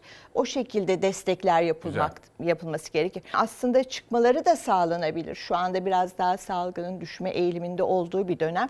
Yine mesafe kuralları sağlanarak e, onların da e, dışarıya çıkmaları sağlanabilir. Bu toplu önlemlerin bütün yaş gruplarına birlikte uygulanması Peki. lazım. E, ayrımcılık çok iyi bir şey değil. Ama hiç olmazsa toplu e, taşımadan bir an önce bu yasağın kaldırılması, HES kodu olan herkesin e, toplu taşımadan bütün yaş gruplarının e, yararlanması, saatlerin tabii ki söylediğiniz Dışarı gibi çıkma saatlerinin. dışarı çıkma saatlerinin uzatılması ve toplu taşıma araçlarının bir an önce daha fazlalaştırılması Güzel. gerekiyor. Önlemlere evet. Fakat ayrımcılığa hayır. Herkes için önlem alınsın diyoruz efendim. Türk Gün'deki Zelani'ne manşetinden bir gündeki habere geçiyorum. Kaotik günler yakın. Pandemiyle birlikte gıda fiyatlarındaki artış son 3 yılın zirvesinde. Gıda egemenliği için küresel ölçekte yarışan şirketler ve ülkeler fiyat artışlarının temel sorumlusu. İthalatçı Türkiye'de ise Türk lirasının değer kaybetmesi sorunu derinleştiriyor. Ziraat Mühendisleri Odası İstanbul Şube Başkanı Murat Kapıkıran, son bir yılda fiyatlarda artış var. Tarım ürünleri fiyatları sosyal sorumluluk duymayan AVM'ler tarafından belirlenir duruma geldi. Durum kaotik bir hal alacak dedi efendim. Dün yayınımıza katılmıştı Bende Palandöken. Cumhurbaşkanı Erdoğan'ın da gıda fiyatlarındaki artış sorununa el attığını ve talimat verdiğini ifade etti efendim. Bakalım talimat da düşerse ne ala gelişmeleri takip edelim. Dünyadaki gazetelere de şöyle bir bakmak istiyorum. Bu alınan kısıtlama tedbirleri var ya. Mesela Hollanda'da başka pek çok ülkede eylemlere neden oldu. İnsanların tabii canı buralarına kadar geldi. Canı burnunda. Ve yaşananları da sizlere aktaracağım. The Times gazetesi ve tabii aşıya ulaşım konusunda çok büyük sorunlar var. Avrupa Birliği yetkilileri de başta Pfizer olmak üzere aşı tedarikçi firmalara talimatlar veriyorlar, uyarılar yapıyorlar. Hatta onları yer yer mahkemeye gideriz diyerek de tehdit ediyorlar. Diyorlar ki Avrupa Birliği dışında İngiltere dahil olmak üzere aşıyı başka bir yere gönderemezsiniz. Önce bize bilgi vereceksiniz diyorlar. Le Parisien gazetesine geçiyorum efendim. Kısıtlamalar konusunda bir haber birinci sayfada manşetlerde. Hala ondan kaçabilir miyiz? Göstergeler kırmızıya dönüşürken koronadan kurtulabilir miyiz şeklinde bir manşet. Almanya'ya geçiyorum. Der Tagesspiegel gazetesinin birinci sayfasında bir haber dikkatimi çekiyor. Sessizlik zamanı. Tabii konser salonları, müzeler, spor stadyumlar her yer boşta efendim. Fakat şu habere dikkatinizi çekmek isterim. Bakan ne yapmaya çalışıyor biliyor musunuz? Almanya'da üretilen aşının Avrupa Birliği dışına çıkmasını yasaklamaya çalışıyor. İnanılır gibi değil ama gerçek. Bir de İtalya'ya geçelim. La Repubblica gazetesinin manşetinde size geçen haftadan itibaren duyurdum. İtalya'daki iç siyasi çekişmeler, koalisyon hükümetinin çökmesi ve başbakanın karşı karşıya kaldığı sorunlar. Hollanda uzun yıllardır görmediği kadar sert bir eylem dalgasının içinde.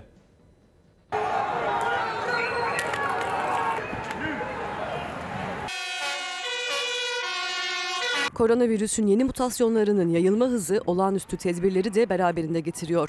Birçok ülke kısıtlamaların çerçevesini genişletti. Tedbirler dünyanın birçok ülkesinde protestoların da fitilini ateşledi. İngiltere ve Almanya'nın ardından Hollanda'da kısıtlama karşıtları ortalığı savaş alanına çevirdi. Onda başlayan sokağa çıkma kısıtlaması akşam 9'a çekilince binlerce insan sokağa döküldü. 3 gündür süren protestolar 3 kente sıçradı. Amsterdam'dan sonra Rotterdam'da da polis ve göstericiler arasında çatışma çıktı. Göstericiler caddeleri ateşe vererek kapattı. Bankalar ve otobüs duraklarına zarar verdiler. Çıkan olaylarda 50'den fazla kişi gözaltına alındı. İsrail'de ise ultra-ortodoks Yahudiler Covid-19 tedbirlerine tepkiliydi. Dini eğitim veren okulların kapatılmasına karşı çıkan grup polisle çatıştı. 13 polis yaralandı, 15 kişi gözaltına alındı. Lübnan'da sokağa çıkma kısıtlaması 8 Şubat'a uzatıldı. Bir ayı aşkın tam karantina uygulanan ülkede öfkeli gruplar sokağa çıktı. Güvenlik güçlerine taşla saldıran göstericilere biber gazıyla müdahale edildi. Lübnan'da halk hükümetin sosyal yardım yapmadan ekonomiyi kapamasına öfkeli. 4 Ağustos'ta başkent Beyrut'taki patlama ve pandemi ülkede ekonomik krizi derinleştirdi. Tabii İbrahim Bey kardeşim diyor ki abi ilaç sektöründe daha iyi biz neden bir şeyler yapamıyoruz teknoloji. Mevzuatta sorun var İbrahim kardeşim. Ben sizlere daha evvel hani firmasını söylemeyeceğim ama İzzet Barut diye bir arkadaştan bahsetmiştim. Bir girişimci. Köklü bir ilaç firmasının patronu. Veya Raşit Dinç Ankara'da genç bir kardeşim var mikrobiyolog. Neler neler yapıyor aslında. Yapmaya gayret ediyorlar. Ama bürokrasi hazretleri onlara geçit vermiyor. Vermesi lazım. Onların önünü açmamız lazım. Ya buna ne diyorlar biliyor musunuz? İbrahim kardeşim, ekosistem diyorlar. Yani girişimci ruhu, yenilikçi ruhu teşvik edecek bir sistem, bir iklim olması lazım. ODTÜ'de Hasan Tan dönemi Uğur Ersoy'un bir çalışması. İçinde uzun yıllardır görmediğim Baran Asena'nın bir mektubu var bana. Sevgili İsmail kardeşim çok uzun zaman oldu yüzle görüşmeyeli ama gündeme olumlu katkıların ve başarılarına hep gurur duyarak seni izliyorum diyor. Estağfurullah görevimi yapmaya çalışıyorum. Bu kitabı da okuyup sizlere özet yapacağım efendim. Baran Asena'ya da teşekkür ediyorum gönderdiği için. Alanya Postası ilk turda Diyarbakır'dan İzmir'e geçmiştim. Bu kez Alanya Postası. Tarla 6, hal 7, market 14. Bu ne acaba? Tarladan sofraya artan fiyatlar nedeniyle hem üretici hem de tüketici memnun değil. Alanya Posta Medya'da tarladan çıktıktan sonra halciye ve marketlere inen ürünlerin fiyatlarını araştırdı. Buna göre marketlerde satışı yapılan ürünlere neredeyse %100 civarında fark konuluyor diyor. Hilmi Sevigen ve Adem Kaya'nın da burada görüşlerine yer verilmiş efendim. Bizim her sabah gündeme taşıdığımız emekçi kardeşlerimizin dışında, köylümüzün, çiftçimizin dışında, esnafımızın dışında ben daha büyük bir mesele görmüyorum efendim. Dolayısıyla bizlerin bu konuları gündeme taşıması memleket faydasınadır diyorum. İşte üreticinin hali. İki yoktur çamaşırım, arı gibi çalışırım. Her zalıma alışırım, beni benden aldı para. Gençliğimi çaldı para. Saat 6'da kalkıyoruz biz her gün. 7.30-8'de tarladayız. Akşam 6'ya kadar da buradayız. İşiniz çok zor. Getirisi iyi mi? Getirisine de zırh zarar. Niye?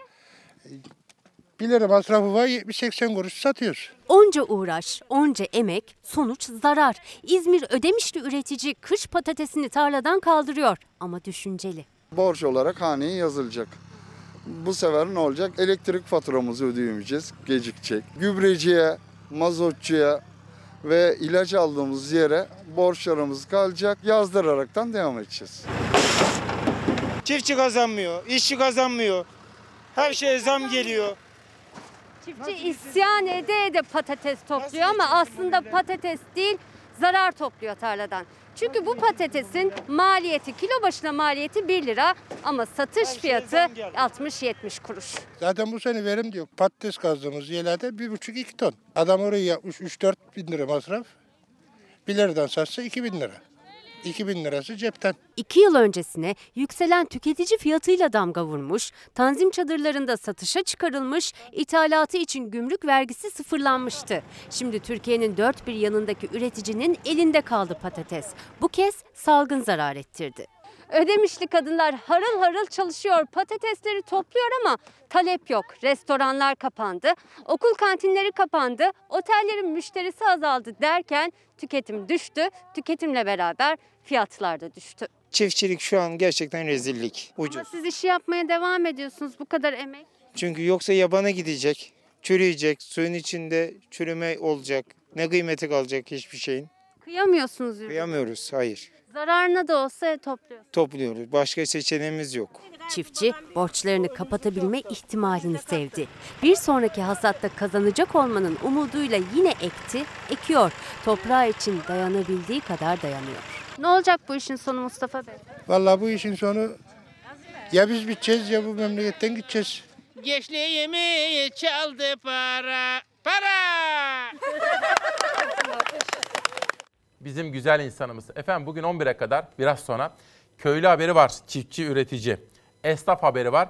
65 yaş üstüyle ilgili özel çalışmalar yaptık. Onları da 11'e kadar konuşacağız. Yani programın süresini uzattık. Neden? Pandemi zamanında biraz geç kalkıyoruz. Sizler daha fazla haber olun diye, haber alın diye bizler de üzerimize düşeni yapmaya çalışıyoruz. Sizi birisiyle tanıştıracağım. Bu ekranlarda ilk defa görüyorsunuz. Adı Murat Emir. Ankara'dan sizler için geldi. Ankara milletvekili. CHP'nin Ankara milletvekili. Ama neden davet ettiğimi anlayacaksınız biraz sonra. Hoş geldiniz. Nasılsınız? İyiyim gayet hoş bulduk. Teşekkür ederim. Şimdi siz benim dikkatimi nasıl çektiniz biliyor musunuz? Önce bir yazı yazdınız. Korona ile ilgili.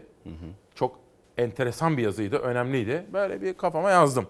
Sonra bizim Fox Haber Ankara'dan bence yılın haberini yaptı. O günlerde de burada söyledim onu. Siz büyük bir meseleyi gündeme getirdiniz. Orada dikkatimi çektiniz. Sonra size hatta baktım cep telefonunuz falan yok bende. Hemen size yazdım. Evet. Twitter'dan mı yazdım? İsim? Twitter'dan, evet. Twitter'dan yazdım. Biz tanışıyor muyuz önceden? Tanışıyoruz. Ee, yıllar öncesinden Ankara'dan tanışıyoruz.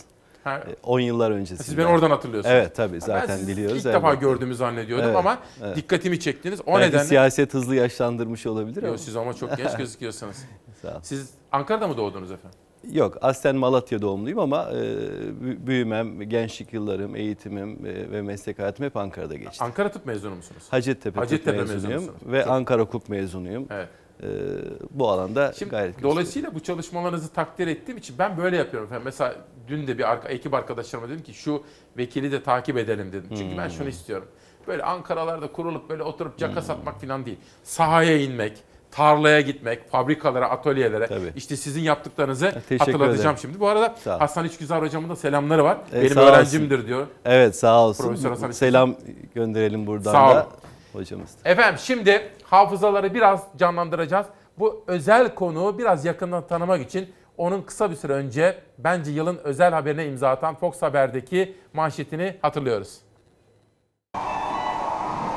Bu belge Sağlık Bakanlığı'nın kendi sitesinden laboratuvar bilgi yönetim sisteminden alınmış bir belgedir. 10 Eylül'deki rakamları görüyoruz. O günkü toplam test sayısı 158 bin, negatif 128.645, pozitif 29.377. Bu iddia bugüne kadar Sağlık Bakanı'nın açıkladığı koronavirüs tablolarını ve rakamlarını tartışmaya açıyor. Çünkü bakanın 1512 hasta var dediği gün Türkiye'deki vaka sayısının 29.377 olduğunu söylüyor belge. Yani açıklanan resmi rakamın 20 katı. Bu belge doğru mudur? Sayın Bakan bu belge doğru ise artık halkımıza gerçekleri söylemenin zamanı gelmiştir.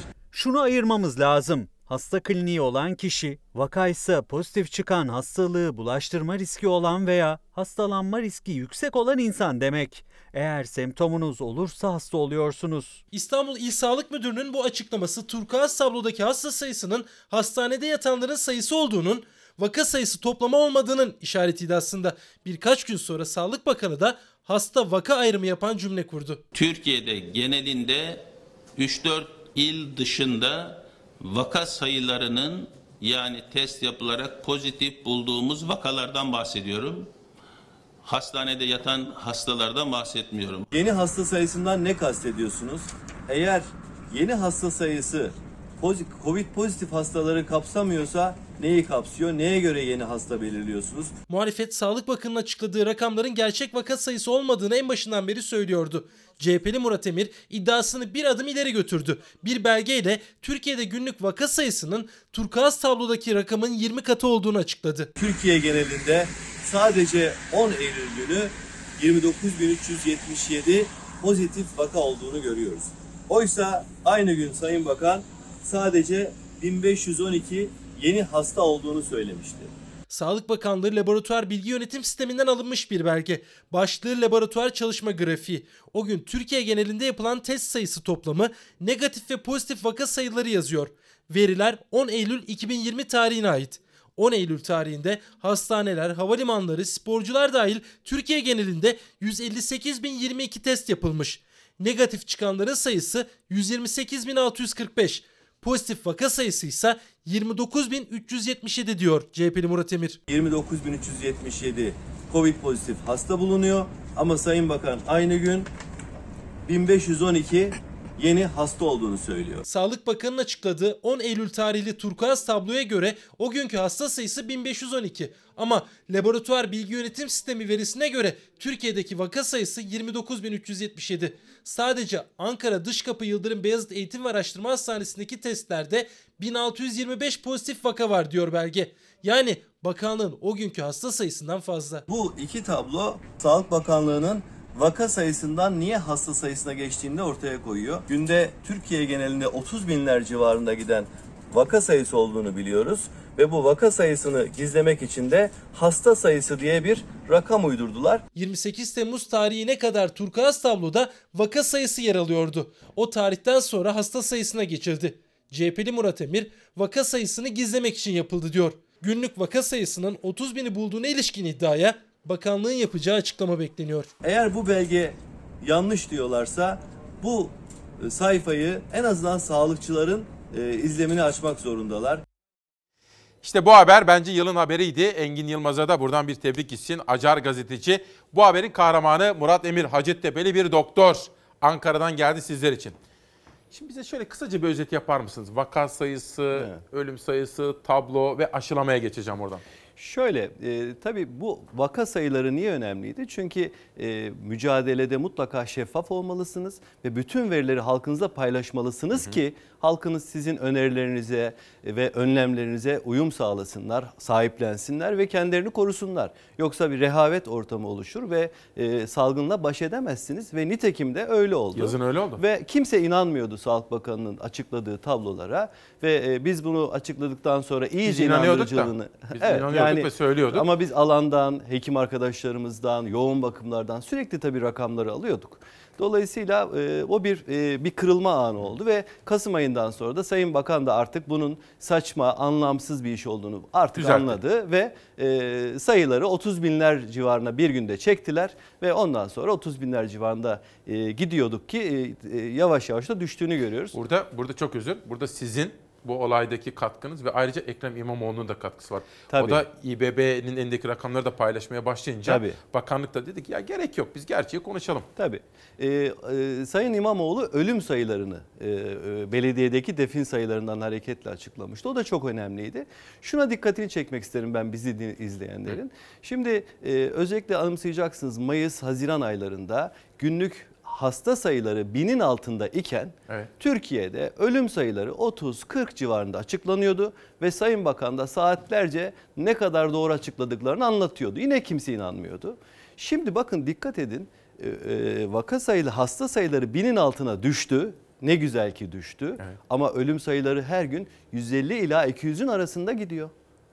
Bu fark yani bu dört katlık fark nereden kaynaklanıyor olabilir? Şimdi Yani eğer siz Mayıs-Haziran aylarında gerçekleri saklamadıysanız yani ölüm sayılarını saklamadıysanız hasta sayısı aynı neredeyse ama bugünlerdeki ölüm sayısı 4 kat daha fazla. Dün bir rapor okudum Murat Bey. Bütün Türkiye'de hemen hemen bütün illerde geçen yıla yaklaşmış ölüm sayıları. Yani normale dönmüş artık. Toplam ölüm sayısı. Evet tabii tabii. Çünkü e, burada bir özellikle bu e, son önlemlerle ve vatandaşlarımızın artık bu ediyor. işin evet tabii e, gerçekten e, dayanılmaz bir yere geldiğini fark etmeleriyle e, bir başarı e, fark ediliyor. Dolayısıyla da ölüm sayıları iyi ki azalıyor. E, biz bundan tabii ki çok acı çekiyoruz, üzülüyoruz. Yani ölüm sayıları üzerinden, vaka sayıları üzerinden siyaset yapmak elbette istemeyiz. Ama bizim özellikle halkımıza, vatandaşlarımıza gerçeğin söylenmesi gibi bir e, derdimiz de var. Çünkü gerçeği sakladığınızda sadece gerçeği saklamış oluyorsunuz. Başınızı kuma gömüyorsunuz. Ama hastalık devam ediyor, ölümler artarak devam ediyor. Dolayısıyla Şeffaflık e, bakan, şart. Evet, şeffaflık şart. Şimdi Murat Bey, karşı karşıya kaldığımız sorun küresel bir sorun ve iktidar muhalefet hepimizi etkiliyor. Dolayısıyla buradan çıkmamız gerekiyor. Aşı. Siz bir doktor gözüyle, uzman gözüyle ve bu gelişmeleri dikkatle takip eden bir siyasetçi gözüyle bana şu aşı meselesini bir anlatın. Dün 6,5 milyon doz daha geldi. Bunu nasıl yorumluyorsunuz, nasıl değerlendiriyorsunuz? Şimdi tabii aşı konusunda bizim e, çok temel itirazlarımız var. E, büyük beceriksizlikler söz konusu aşı konusunda. E, dolayısıyla da aşı konusu gerçekten herkesin birebir ilgilendiği ve mutlaka aşı konusu da bakanlığın şeffaf yürütmesi gereken, halkıyla, vatandaşlarıyla gerçekleri olduğu gibi paylaşması gereken e, bir durum. Aşıda ne yaptık biz? yaptık? Özellikle bir aşıda ısrar edildi. Grip Çin aşısında ve zatürre aşısında e, yapılan e, başarısızlıktan sonra ve aşının kapış kapış olacağını, bütün ülkelerin yarışacağını, dolayısıyla bu işin zor olduğunu ve aşılama olmaksızın pandemiden çıkamayacağımızı biz söyledik. Herkes söyledi. Muhtemelen bakanlık da biliyordu bunu. Ama gerekli önlemi almadılar, gerekli görüşmeleri yapmadılar ve bir aşıda ısrar ettiler. Niye? Bir aşıda niye ısrar edersiniz? Yani Çin aşısı demeyelim, Sinovac diyelim. Çünkü Çin aşısı e, diyerek e, biz aslında küçümsemiyoruz. Aşı aşıdır. tabii. Yeter ki bilimsel kriterlere uysun, bilimsel testlerden olması gerektiği gibi geçsin aşıdır. İşte bak siz bilim insanı gibi Elbette tabii bilim bilim bizim Güzel, ölçümüz sadece bilimdir. Ama bir aşıda ısrar etmek anlamsızdı. Ve biz dedik ki hatta bunu da söylüyoruz. Bu aşıyı niye bu kadar ısrar ediyorsunuz? Niye diğer aşıları hemen baştan dışladınız? Bakın ben size bir e, grafik çalıştım. Lütfen. Şöyle göstereyim. Sabit tutarsanız kameraman arkadaşım Evet. size aktarsın Şimdi oradan. bakınız Sinovac aşısı biz alıyoruz. Bunun dışında Amerika Birleşik Devletleri 3 aşı almış. Avrupa Birliği ülkeleri 3 ayrı aşı almış. İngiltere 3 ayrı aşı almış. Bütün ülkeler bir sürü aşı almışlar. Ama ilginç olan sadece Türkiye Sinovac almış. Sadece Türkiye Sinovac almış. Bu yanlış tek mı? başına. Yanlış mı? Tabii yanlış. Çünkü bakın Brezilya, Şili, Endonezya, Bangladeş bile gelmiş dönmüş tekrar AstraZeneca'nın aşısından bile almış. Yani sadece Sinovac alan, ülkesinin kaderini bir aşıya bağlayan, bir aşıda umut bekleyen, bütün yumurtaları tek sepete koyan tek ülke Türkiye. Şimdi bizim buna itirazımız var. Çünkü burada sorun çıktığı zaman ne yapacaksınız? B planınız ne? Ne olmalı? Yani Sinovac olsun ama öbürleri de olsun Bütün değil mi? ülkelerin yaptığı gibi bilimsel ölçütlere göre bilimsel testlerden geçme potansiyeli olan bütün aşılarla ön yargısız, bilimsel bir kafayla ve şeffaf bir şekilde ön anlaşmalar yapacaksınız, alım anlaşmaları yapacaksınız ve ülkenize kazandıracaksınız. Yapacağınız bu. Şimdi bunu yapmayıp aşıları diğer aşıları peşinen kötülerseniz ve bu aşıyı hiçbir bilimsel veri yokken en iyi aşıdır şeklinde lanse ederseniz e, Bir tabii şey burada soracağım. sorun çıkar. Çok özür. Buyurun. Fakat bizim hükümet bir açıklama yaptı. Hatta bugün Sözcü'de Serpil Yılmaz da yazmış. Evet. Bu Türkiye Vakıf Bank'ın yönetim kurulu başkanıydı galiba bir isimden. Şimdi hatırımda değil Evet. ama Serpil Yılmaz kim olduğunu Evet. ortaya koymuş. Rusya'nın geliştirdiği Sputnik aşısını Türkiye'de üretebileceğiz. Bu güzel değil mi peki? Güzel tabii ki güzel. Ee, biz bütün aşıların yani kriteri geçmiş bütün aşıların Türkiye'ye kazandırılmasından yanayız. Aynen. Geç kalındığı için feryat ediyoruz sadece. Şimdi Sinovac aşısında di- diyoruz ki bir aşıda ısrar etmenizin sebebi hem de sözleşmeyi açıklamıyorsunuz. Fiyatı açıklamıyorsunuz.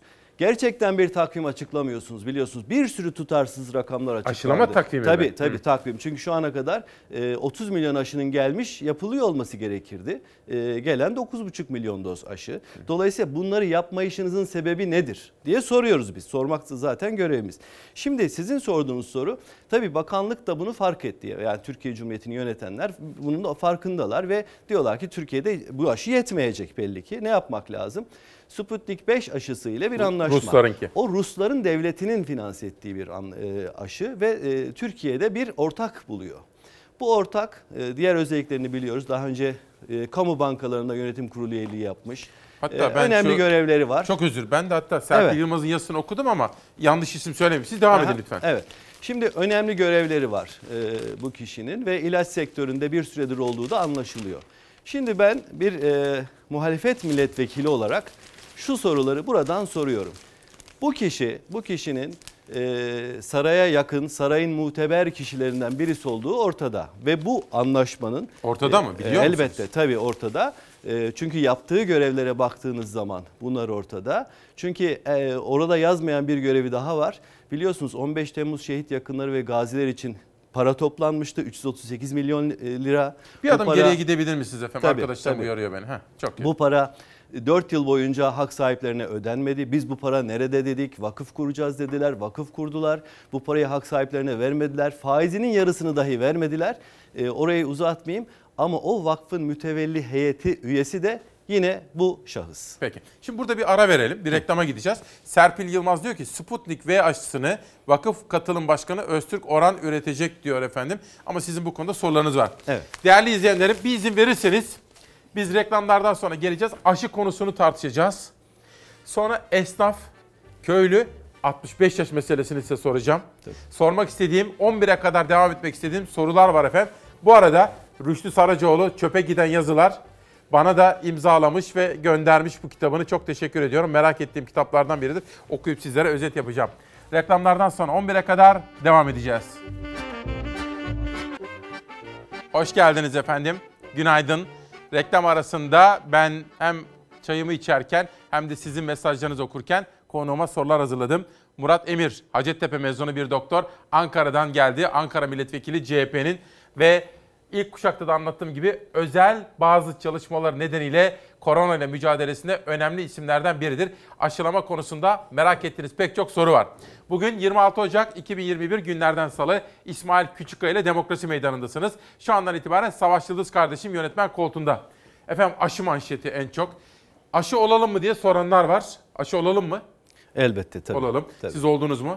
Oldum. Çünkü sağlıkçısınız olmanız Evet, gerekiyor. Sağlıkçı olmam dolayısıyla sıram geldi ve oldu. Çünkü beni tanıdığım bütün doktorlar da yani aşı oldular, sağlıkçılar aşı olmaları gerekiyor.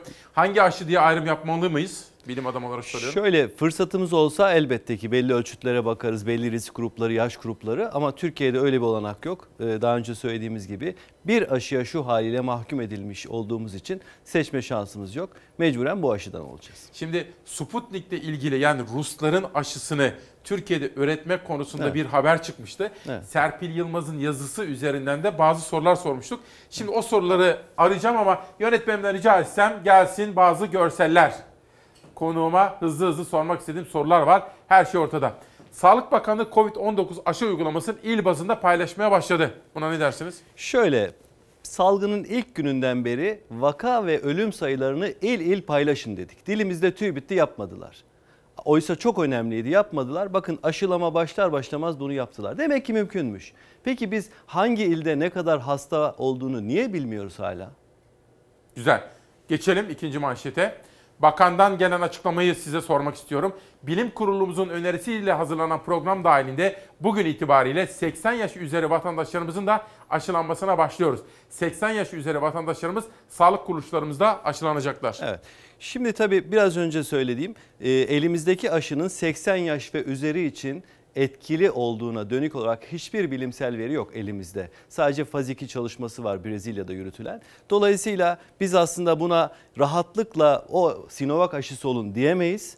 Ama ben annemi babamı aşılatacağım, izin vereceğim e, sorarlarsa. Çünkü, Ama aşı olalım. Çünkü başka seçeneğimiz yok. Şimdi bir şey e, burada söylemek isterim. Bakınız elimizdeki aşının etkinliğinin %50.4 olduğunu Brezilya söyledi. Çünkü asıl faz 3 çalışmasının büyük bölümünü yani 9000 küsür vakadaki asıl çalışmayı onlar yaptılar. Dolayısıyla bir kişi için yani sizin benim annemizi düşünürsek eğer bir kişi için %50 fena değildir. Yani hiç yoktan iyidir. Bizim itirazımız Türkiye'nin hiç yoka hiç yokla iyi arasında bir tercihe zorlanmış olmasınadır. Ama şunu söylemek isterim. Ee, eğer toplumu düşünüyorsanız, toplum bağışıklığı yapacaksanız, e, elinizde de %50 etkin bir aşı var ise asla bunu başaramazsınız. Yani elimizde bir sihirli değnek olsa İsmail Bey, bir anda dokunsak, bütün 83 milyonu, bütün göçmenlerle, e, sığınmacılarla 90 milyonu aşılasak bir saniyede bu aşı ile %50 ancak koruyuculuk sağlayacağımız için Dünya Sağlık Örgütü'nün dediği o minimum %60'a asla ulaşamayacağız. Demek ki ne yapmamız lazım? Başka aşılar bulmamız lazım. Şimdi bu doğru. Katılıyorum. Siz de bir bilim insanısınız ve ona uygun bir dil kullandığınızı görüyorum memnuniyetle. Ben tabii bu %50-50 olunca işte benim bütün sosyal çevrem doktorlardan örülüyor. İşte Alpay Azap'ı aradım, Kayağan Hoca'yı aradım, hepsini aradım. Bilgin Hocam'ı aradım. Onlar şunu söylüyorlar. Doğru %50-50. Keşke daha detaylı araştırmalar ve sonuçlar çıksa. Ama dediler ağırlaşacak hastaları önlüyor ve koruyor dediler. aşı. Tabii tabii Bu tabii. Yo yo şöyle bir kişi için kıymetli bu. Tabii. Ama toplum açısından bulaşmayı da önleyeceğiz ya. Çünkü bu %50 sonuçta hani aşı olan bulaşmayı e, ya de bulaştırmaya devam ettiği için ya bu aşıyla biz bu salgından çıkamayacağız. Yani bunun şeyi bu. Peki. Alternatif istiyorsunuz siz. Kesinlikle. Geçelim. Daha iki gün önce Cumhurbaşkanı 10 milyon aşı geliyor demedi mi? Şimdi Sağlık Bakanı 6,5 milyon aşı yolda diyor. Bu durum tedarik planına nasıl uygun olabilir? Aradaki 3,5 milyon aşıya ne oldu? Şimdi bu 3,5 milyon önemsiz gibi görünebilir bazılarına ama bu aslında önlenebilir on binlerce ölümün önlenemiyor olmasına anlamına geliyor. Yani çok değerli. Oradaki her 1 milyon, her bir aşı bizim için çok değerli.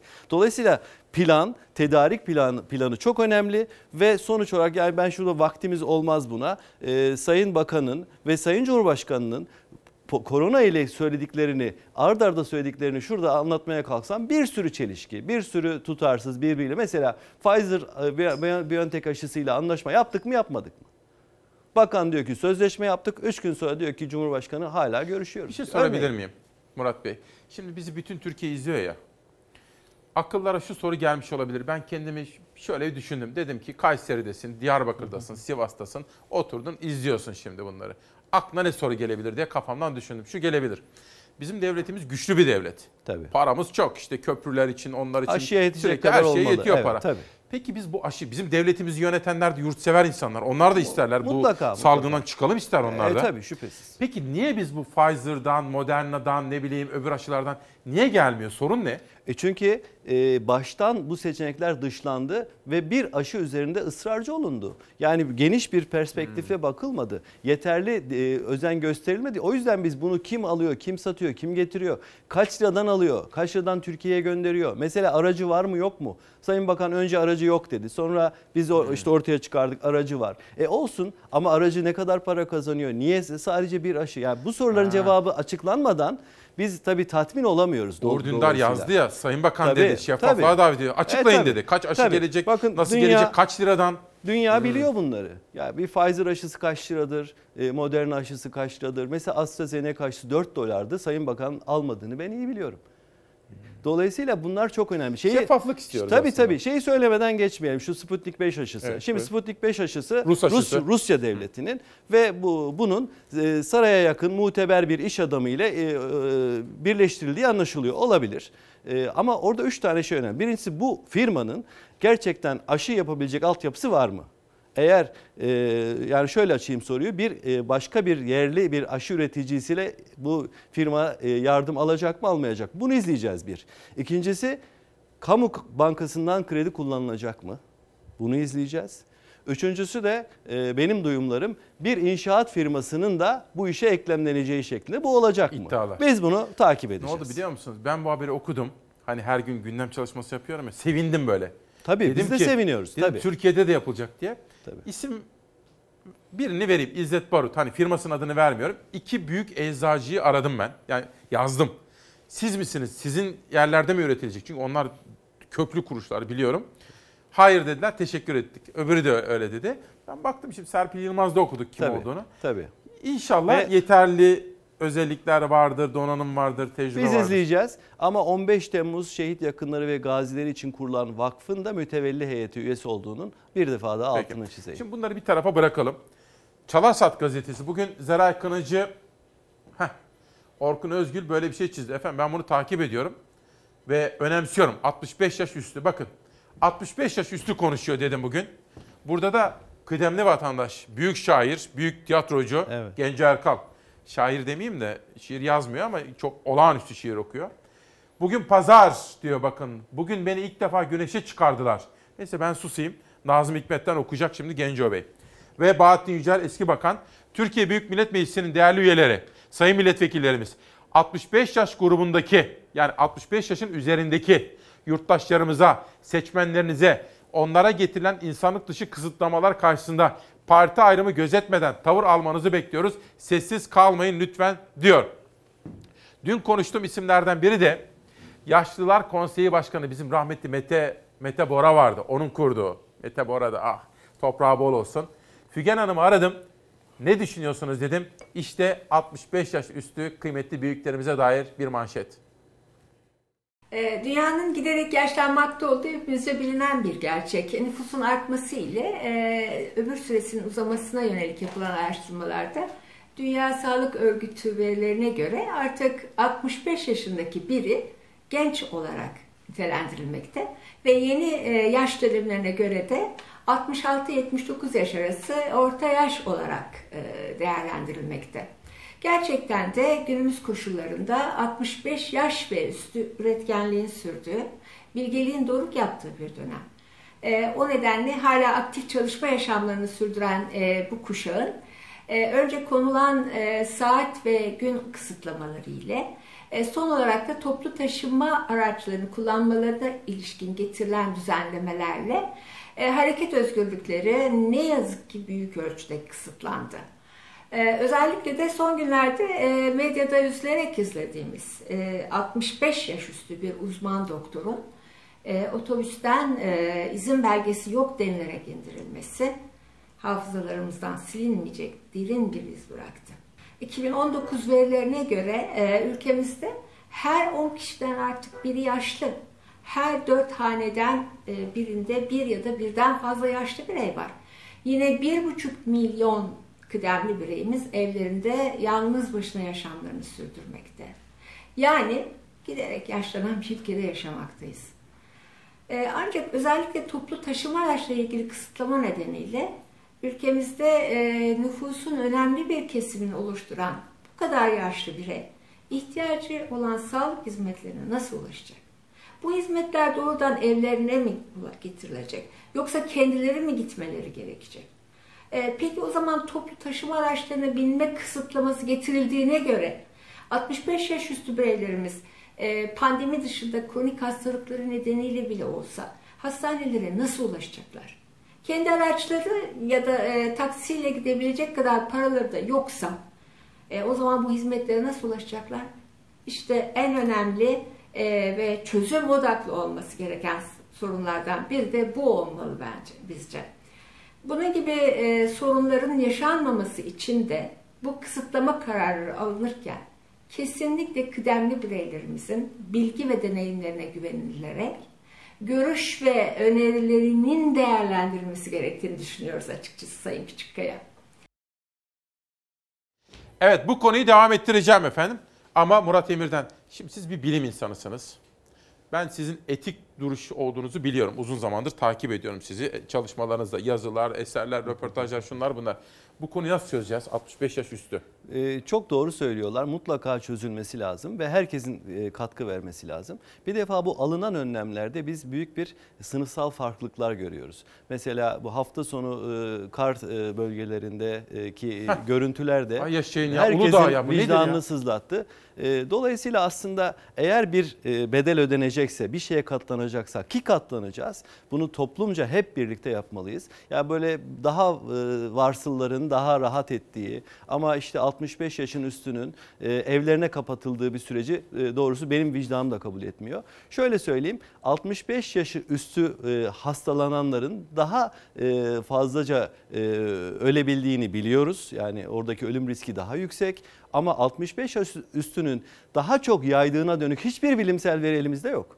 Dolayısıyla onları niye eve kapatıyoruz? Çünkü onları eve kapatmak daha kolay. Bir şey diyebilir miyim? Bakın benim annem, şimdi ben de, ben hani baktım antikorum vesaire hafta sonu işte annemi aldım getirdim. Ben annem kadar dikkatli birini görmedim. Sadece Tabii. ben annem derken Tabii. rahmetli Tabii. babam yaşasaydı o da öyle olurdu. Veya gördüğüm bütün Öyle, öyle. 65 yaşın üzerindeki kesim o kadar Öyle. bilinçli ki, Tabii. o kadar duyarlı ki. Gençler bilinçsiz. Oysa biz ne yapıyoruz? 65 yaş üstüne Tabii. Bindiriyoruz. Tabii biz yayıyoruz aslında. Tabii. Ve e, çünkü orada bir ekonomik maliyet var. Bu maliyeti en çok kolay çıkartabileceğimiz yaş grubu da gençlerimiz. Yani evinde tuttuğumuz gençlerimiz ve 65 yaş üstü. Bu e, bence de e, vicdanların da kabul Bir edeceği şey değil. soracağım. Şimdi biz hani burada eleştirdiğimiz zaman da şimdi mesela bir şeyi desteklediğimizde övdüğümüz zaman ölçüye dikkat ediyoruz. Abartılı olmasın. Eleştirirken de yapıcı olsun. Tabii. Ve çözüm önerisi de Tabii. bulunmaya gayret ediyoruz biz Çalar Saat ailesi olarak. Tabii. Sizce bu pandemi koşullarında 65 yaşın üstündekilere dair ne yapmalıyız? Mesela nasıl bir çözüm olabilir?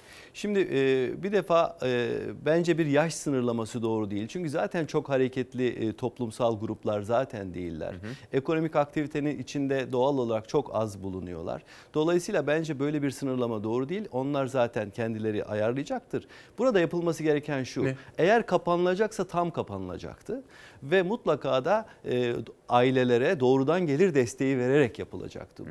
Yani günlük çalışması gerekenler, günlük kazanmazsa e, yaşayamayacak olanlar, günlük e, iaşesini karşılayamayacak olanlar. e, Karantina bittiği zaman kepengimi açabilecek miyim diye, işimi kaybedecek miyim diye korkanlara devlet diyecekti ki sosyal devlet merak etmeyin yalnızdayız. Biz bugün için varız. Biz bugün için vergi topladık sizden diyecekti ve tamamen kapanacaktı. Ama şimdi parça parça yaş Öyle olmuyor. gruplarına ayrımcılık yaparak ve oteller açık tutup küçük kafeleri kapatarak ya bu şekilde aslında biz hedefimize e, olması gerektiği do- e, hızda ulaşamıyoruz. Bilim diyoruz ya biz. Hani biz Tabii. biz Atatürk Cumhuriyeti'ne inanıyoruz. Eski Tabii. o güzel günleri özlüyoruz ya. Tabii. Şimdi mesela bilimsel bakış açısıyla yorumladığımız zaman bu aşı konusunu birazcık daha detaylandırabilir Evet. miyiz rica etsem? Şöyle, şöyle dediğim gibi e, biz aşı karşıtı değiliz. Aslında biz e, koronayı bir siyasi malzeme olarak da görmüyoruz. Yani buradan bir siyasi tartışma yürütmek aslında içimize sinen bir şey değil ama kamu adına, toplumumuz adına sorulması gereken soruları elbette sormak zorundayız. Bakın ben size bir e, genelge getirdim. Bunu sizle paylaşmak isterim. Bu benim içimi acıtan bir genelge. Tarihi 18 Aralık 2020.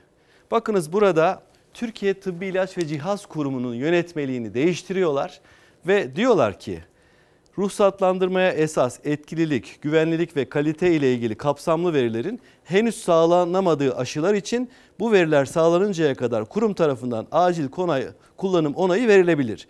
Yani diyor ki veri yoksa da veri yoksa da elinde etkili ve güvenli olduğuna dair sen acil kullanım onayı verebilirsin diyor.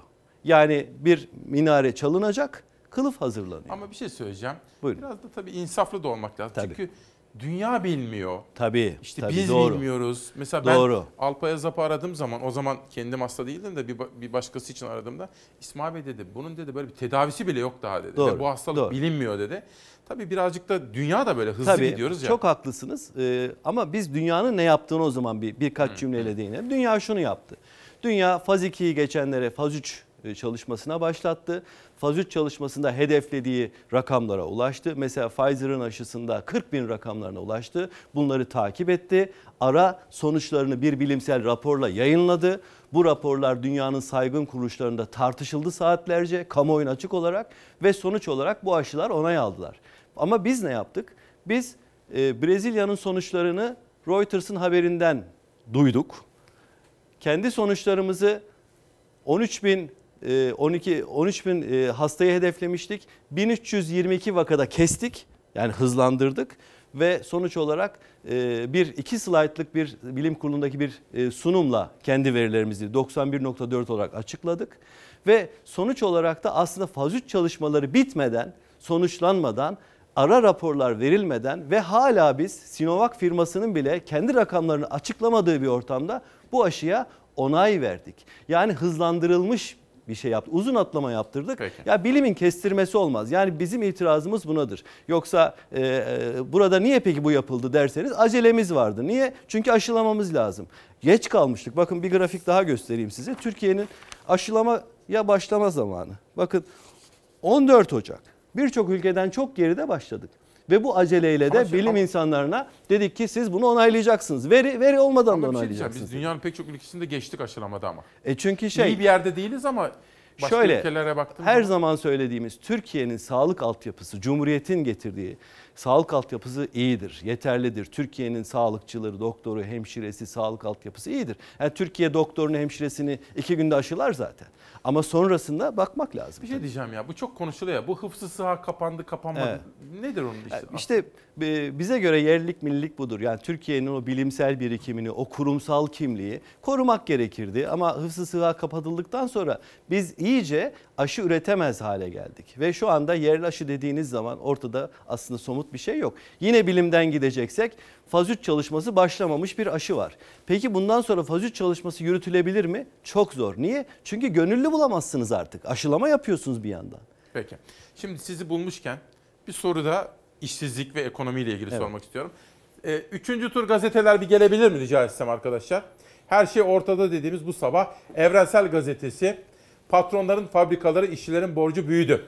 Pandemi sürecinde on binlerce işçinin geliri düştü. İşçiler geçinebilmek için borca yöneldi. Şirketler fabrikalarını büyütüp karlarını artırdı. Derken korkusuza geçiyorum. Ekonomiye dair bir başka manşet dikkatimi çekiyor. Emekliyim, işsizim, aç yatıyorum, aç. Geçinemeyen bir emekli aynı durumdaki milyonların derdine aykırdı. 1700 lira aylığı yetmediği için ek işle karnını doyuran kanser hastası emekli bir yıldır işsizim, 1200 lira kira ödüyorum, 500 lira ile nasıl geçineyim, evime et girmiyor dedi. Yönetmenim Savaş'a sorayım. Bir haber vardı işsizlik dün akşam Selçuk Tepe'nin sunduğu Fox Ana Haber'de. Hazır mı o? Bir izleyip yorumunu alalım Murat Emer'in.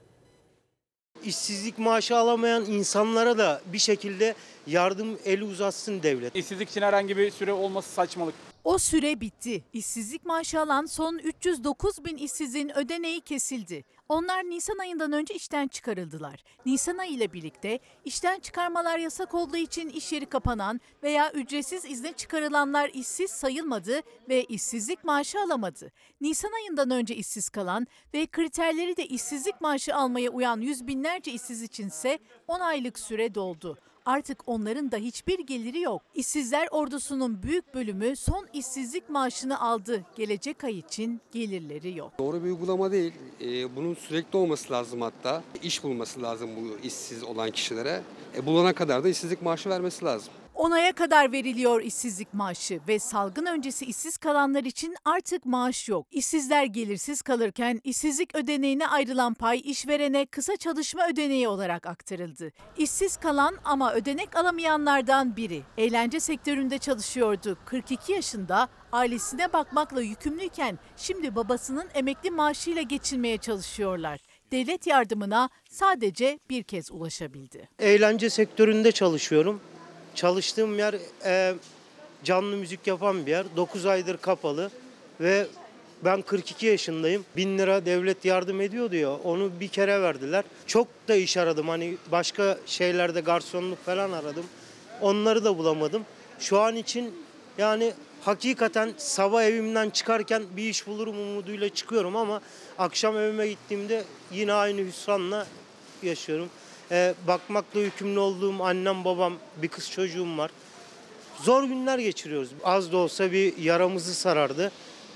Sonuçta zor günler geçiriyoruz yani. İşsizlik maaşı artık merhem olamayacak yüz binlere. İş bulamazlarsa artık hiç gelirleri yok. İş bulma süresi de bir yılı geçiyor. Salgın döneminde iş bulmak bir yana hem işsiz hem gelirsizler ordusuna kapanan iş yerleriyle yenileri de ekleniyor. Ben dün gördüm eee sosyal medyada yapmış tabelasını kırdı. 70 tane elemana ödeme yapamadığım için diyor.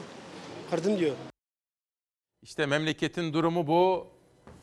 Ne yapacağız peki? Nasıl bu işin içinden çıkacak Türkiye? İktidar muhalefet işbirliği yapalım, el birliği, koordineli Tabii. çalışalım.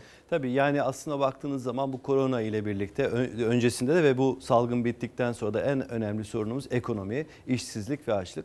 E, iş aramadan ümidini kesenlerle birlikte baktığınızda 12 milyon üzerinde işsiziniz var. Çalışabilir nüfusunuzun neredeyse dörtte biri. Korkunç bir rakam. Her gün yaşıyoruz. Ama ben bazen e, saraydakilerin e, konuşmalarını dinlediğimde e, halktan ne kadar koptuklarını, sokağa e, hiç çıkmadıklarını e, zannediyorum. E, çünkü gerçekten çok ağır bir sorun. Ne yapmalı? Mutlaka üretim ekonomisine dönmek zorundayız. Mutlaka Türkiye'yi e, büyümeci politikalara e, e, sevk etmek zorundayız. E, bütçedeki talanı bitirmek zorundayız. Kaynaklarımızı verimli, istihdam yaratabilir, katma değer üretecek e, alanlara yönlendirmek zorundayız. Ve bunları da bütün işlerimizi de şeffaf, açık, dürüst ve hesap verebilir bir e, tarzda yapmak zorundayız. Bunu yapmadığımız sürece bir talan ekonomisi e, ve e, birilerinin zengin edildiği ama milyonların kaderine terk edildiği bir Türkiye tablosu devam eder maalesef. Peki. Sayın Murat Emir Ankara'dan bizler için geldiniz. Teşekkür ediyorum. Ben teşekkür Eksik ederim. olmayın. Sağ olun. Çalışmalarınıza memleket adına başarılar diliyorum. Çok Bu arada teşekkür sizi ederim. uğurlarken bir saniyenizi alacağım. Cengiz Halil Çiçek benim Gaziantep'ten meslektaşım aynı zamanda Konukoğlu ailesinin yakın çalışma arkadaşlarından birisidir. O da hatırlatıyor.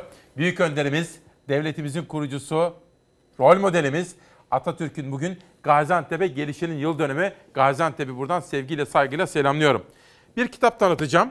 Kıbrıs Gerçeği milli davamızdır biliyorsunuz. Fatih Bayhan'ın çalışmalarıyla bakın yeni olaylar ışığında Kıbrıs. Bu arada bir süredir yazmıyordu Doğan Tılıç. Özlemiştik yazılarını. Uğur Mumcu'dan, Gaffar Okan'dan, Hrant Dink'ten bahsediyor ve yitirdiklerimizden bahsediyor. Bu arada bir ilan gördüm bugün. Yani insan ölüp gidince bu dünyada böyle bir isim olmalı değil mi? Ben tanımıyordum ama bakın.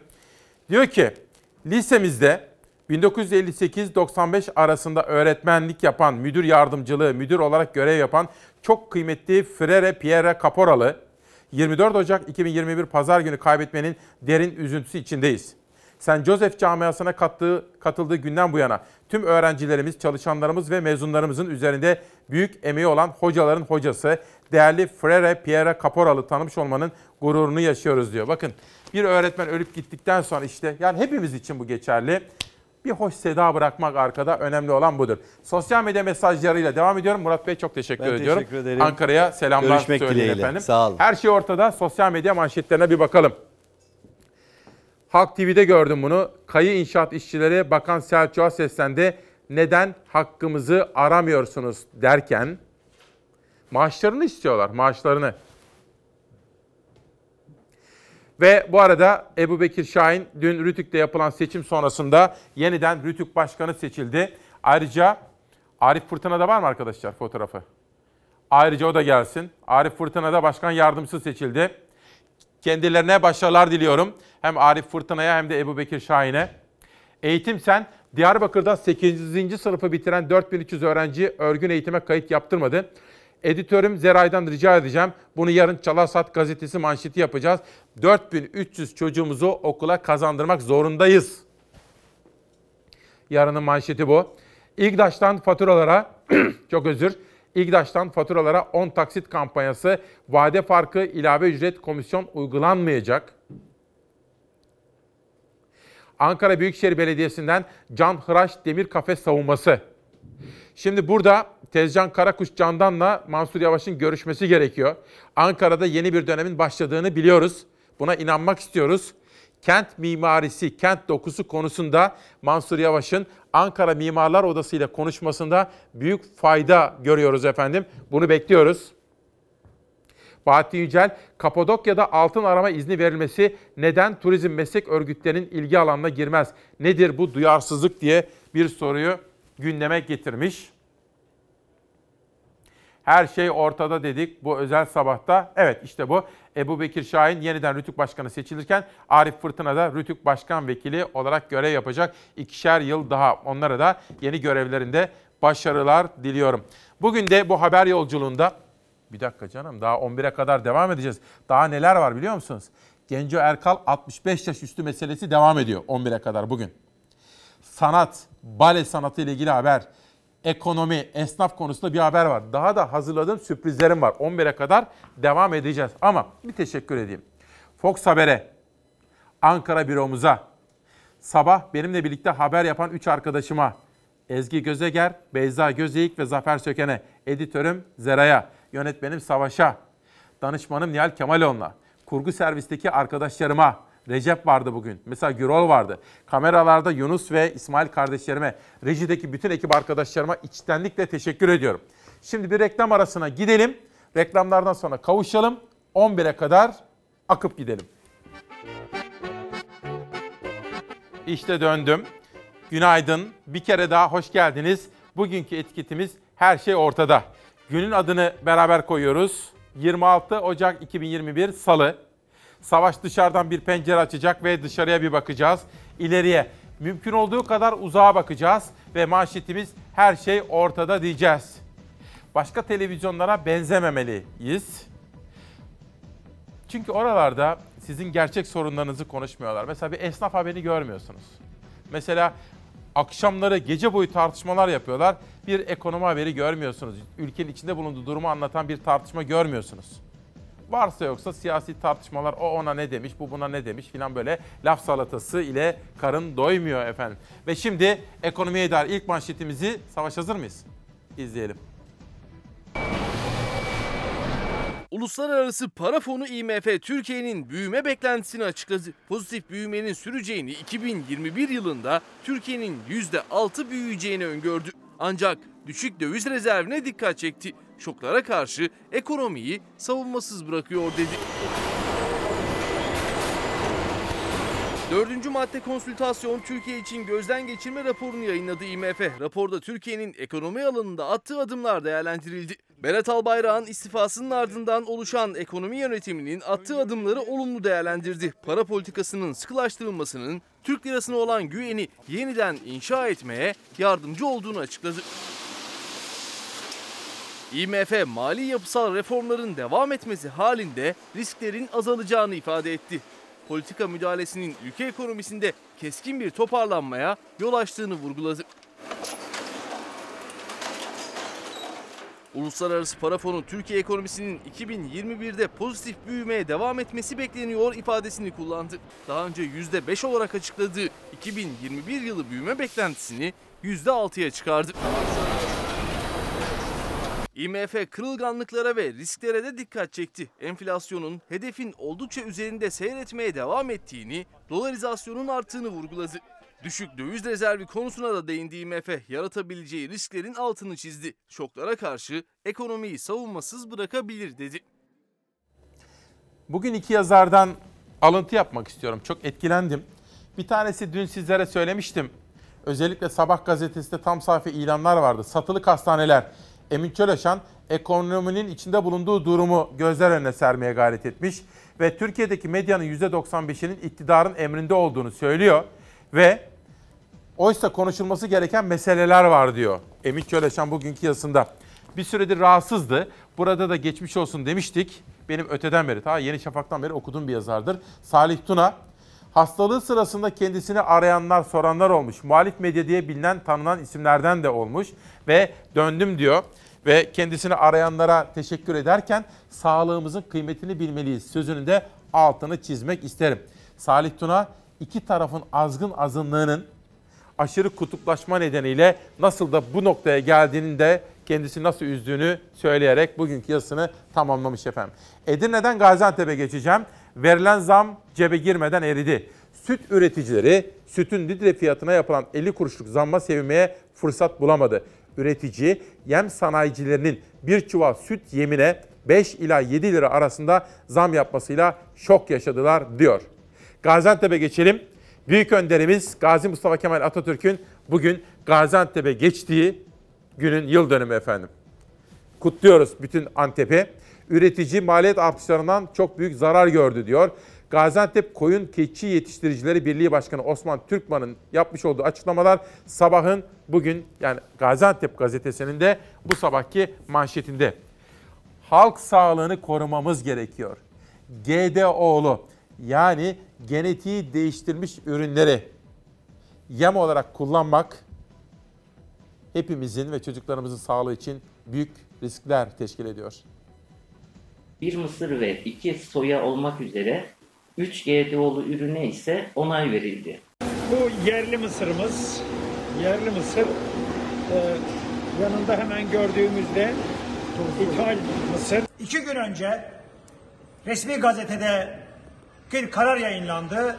Bu karara göre Türkiye yine yurt dışından yeni GDO'lu yem maddelerine izin verdi. Yurt dışından gelecek GDO'lu mısır için izin çıktı. Bir GDO'lu mısır çeşidi daha tavuklarda yem olarak kullanılabilecek. GDO'lu iki çeşit soya ürünü için de verilen izin resmi gazetede yayımlandı. GDO'lu ürünlere açılan kapı konusunda Ziraat Mühendisleri Odası ve CHP'den ses yükseldi. Şu anda iktidar ülkenin tarımını, çiftçisini, beyaz et üreticisini, süt üreticisini, yumurta üreticisini yabancı şirketlerin ne yazık ki kölesi haline getirmiş durumdadır.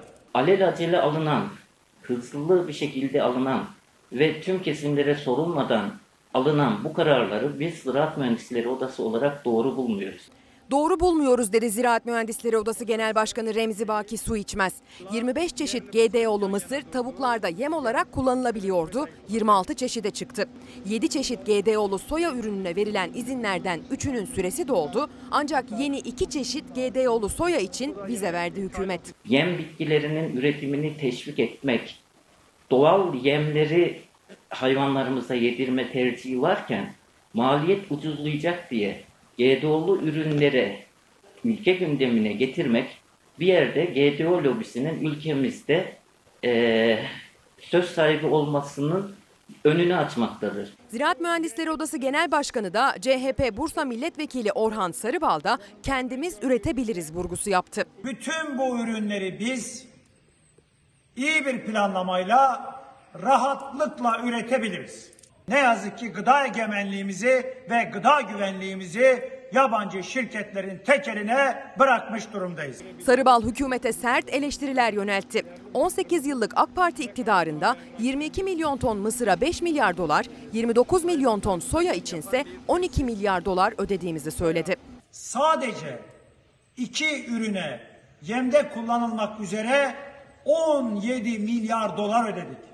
Oysa bu verdiğimiz dövizlerin çok az kısmını çiftçimize, üreticimize versek Türkiye'nin ne mısır ihtiyacı kalır ne de soya ihtiyacı kalır. Yani bu düzeni değiştirmekten başka çaremiz yok. Ve GDO'lu ürünler konusunu takip listeme aldım. Tarım Bakanlığı'ndan burada adım bekliyorum efendim. Ad- adımlar bekliyorum. Bu arada Ankara'dan Canip Karakuş diyor ki bakın Ankara Giyim Sanayicileri Dernek Başkanı. Sesimizi duyuran ve duyurabilen bir tek siz kaldınız diyor. Perakende mağazalarımız iş yapmamaktadır. Ve durumumuz iyi değildir. Tekstil konfeksiyoncularının durumu çok kötü. Devletimizin burada da sesi duyması gerekiyor dedi. Canip Karakuş kendisine teşekkür ediyorum efendim. Ekmek haberi değil mi? Hani ekmek teknesi, ekmek ekmek davası, ekmek ekmek kavgası var. Ekmek temel meselemiz ekmek efendim. Şimdi geliyor ekmek haberi. Batuhan Mutlugil Yadigar isimli eserini bana yazmış, imzalamış, göndermiş.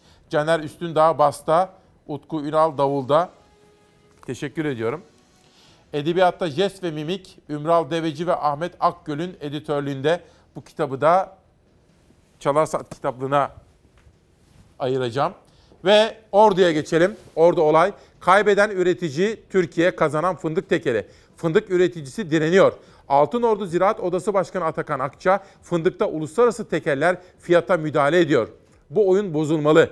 27 liradan satılan fındık bugün 21 lira 50 kuruştan işlem görüyor. Bu resmen fındık fiyatında manipülasyondur dedi. Devletimizin düzenleme yapmasının altını çizdi, gerekliliğini söyledi efendim. Halkımız ne derdinde? Bana söyler misiniz efendim? Sizin sizin derdiniz nedir? Ben biliyorum. Ekmek. Vatandaşın şu an çok ihtiyacı var bu ekmeğe. Yağmurda, bu fırtınada 1 liralık ekmek için geldiniz buraya. E, yok ki 2 lira ekmek yani herkes alamıyor ki işte ben Çok mu? vallahi var. Banka arıyor beni yapılandırma yani yapılandırma da yapamıyorum yani şu gün vereceğim onu da veremeyeceğim. Kredi kartı borcunuz var mı? Çok şükür yok. Yanayım mı? Ama böyle çok zor adam bulursun yani. Rakamlarda zor bulunacağını gösterdi. Ucuz ekmeğe talepteki artışta. Aralık ayında 30 milyondan fazla halk ekmek satıldı İstanbul'da. Cumhurbaşkanlığı, Strateji ve Bütçe Başkanlığı da bankalara borcun arttığını açıkladı. Tüketici kredilerindeki artış %42.7. Borcu olan ekmekten de tasarrufa gitti. Dar gelirli yine aynı adresteydi. Yardımseverlerdi. Ben ekmek alacağım, para almıyorlar. Yani ben şaşırdım. Hepimize ekmek veriyor, parasını o ödüyor. Allah razı olsun. Geçmişlerin cennet etsin. İçinden gelmiş ödemiş. Aa, param da elimde. 3 ekmekte ayda 150 kağıt karım var. 150 liraya da bir market kurarım. Bankaya borcunuz var mı? Oo, hep bankalar çok emekliyiz. Geçinemiyoruz ki kızım geçinemiyoruz. Bankaya borç ne kadar? 30 bin. Nasıl ödeyeceksiniz? Bir kesiyorlar, bir başka bankadan alıp ona yatırıyorum. Güreşiyoruz bankalarla. Ben seyyar satıcı olduğum için bana kart vermemişlerdi. Şimdi almıyorum. Zaten param yok. Maaşı olmadığı için kart alamayan seyyar satıcı kendini şanslı görüyor. Çünkü maaşı olan da kart borcunu ödeyemiyor. Bu kez veri Cumhurbaşkanlığından. Kasım 2020 verilerine göre kredi kartı ve kredi borçlarının sayısı 2 milyonu aştı. Yine bir başka Kasım verisine göre de halk ekmek satışları Eylül'e göre %35 artmıştı. Şimdi yeni bir veri daha açıklandı. O da Aralık ayı satış rakamları. Aralık ayında İstanbullular yine halk ekmeği tercih etti ve üstelik satışlar rekor kırdı. Eylül'e göre artış %53. Fazla param yok ya bu kadar. Kredi kartları full zaten. Kredi kartları kaç tane var? Dört tane var. Yağmur altında ekmek almaya geldi. Evet dever. Yani ikiliye yarmadan birliğe yarmak daha karlı değil mi? Evet kar. Yani Peki bu hesabı neden yapmak zorundasınız? şimdi elektrik var, su var onları, onların yanına katkı olsun. Geçtiğimiz ayların tartışmasıydı. Halk ekmek büfeleri önünde uzayan kuyrukların nedeni ve büfelerin açılıp açılamayacağı konusu. Sonunda siyasi tartışmalar bir yerde noktalandı ve yeni büfeler için izin çıktı. Onlar açılana kadar mobil büfeler satışa devam edecek. Ama tüm bu tartışmaların, siyasi söylemlerin yanında ortada bir gerçek var ki o da yağmur altında bile İstanbullunun dar gelirlinin tercihi işte o 1 liralık ekmek. Sizi, sizi bir de kentsel dönüşüm haberi için Afyonkarahisar'a götüreceğim efendim. Nuran Taşan yaşadığım en güzel dün derken Mehmet Akif Işık Bir Dönem Türkiye isimli kitabını bize imzalı olarak göndermiş. Afyonkarahisar.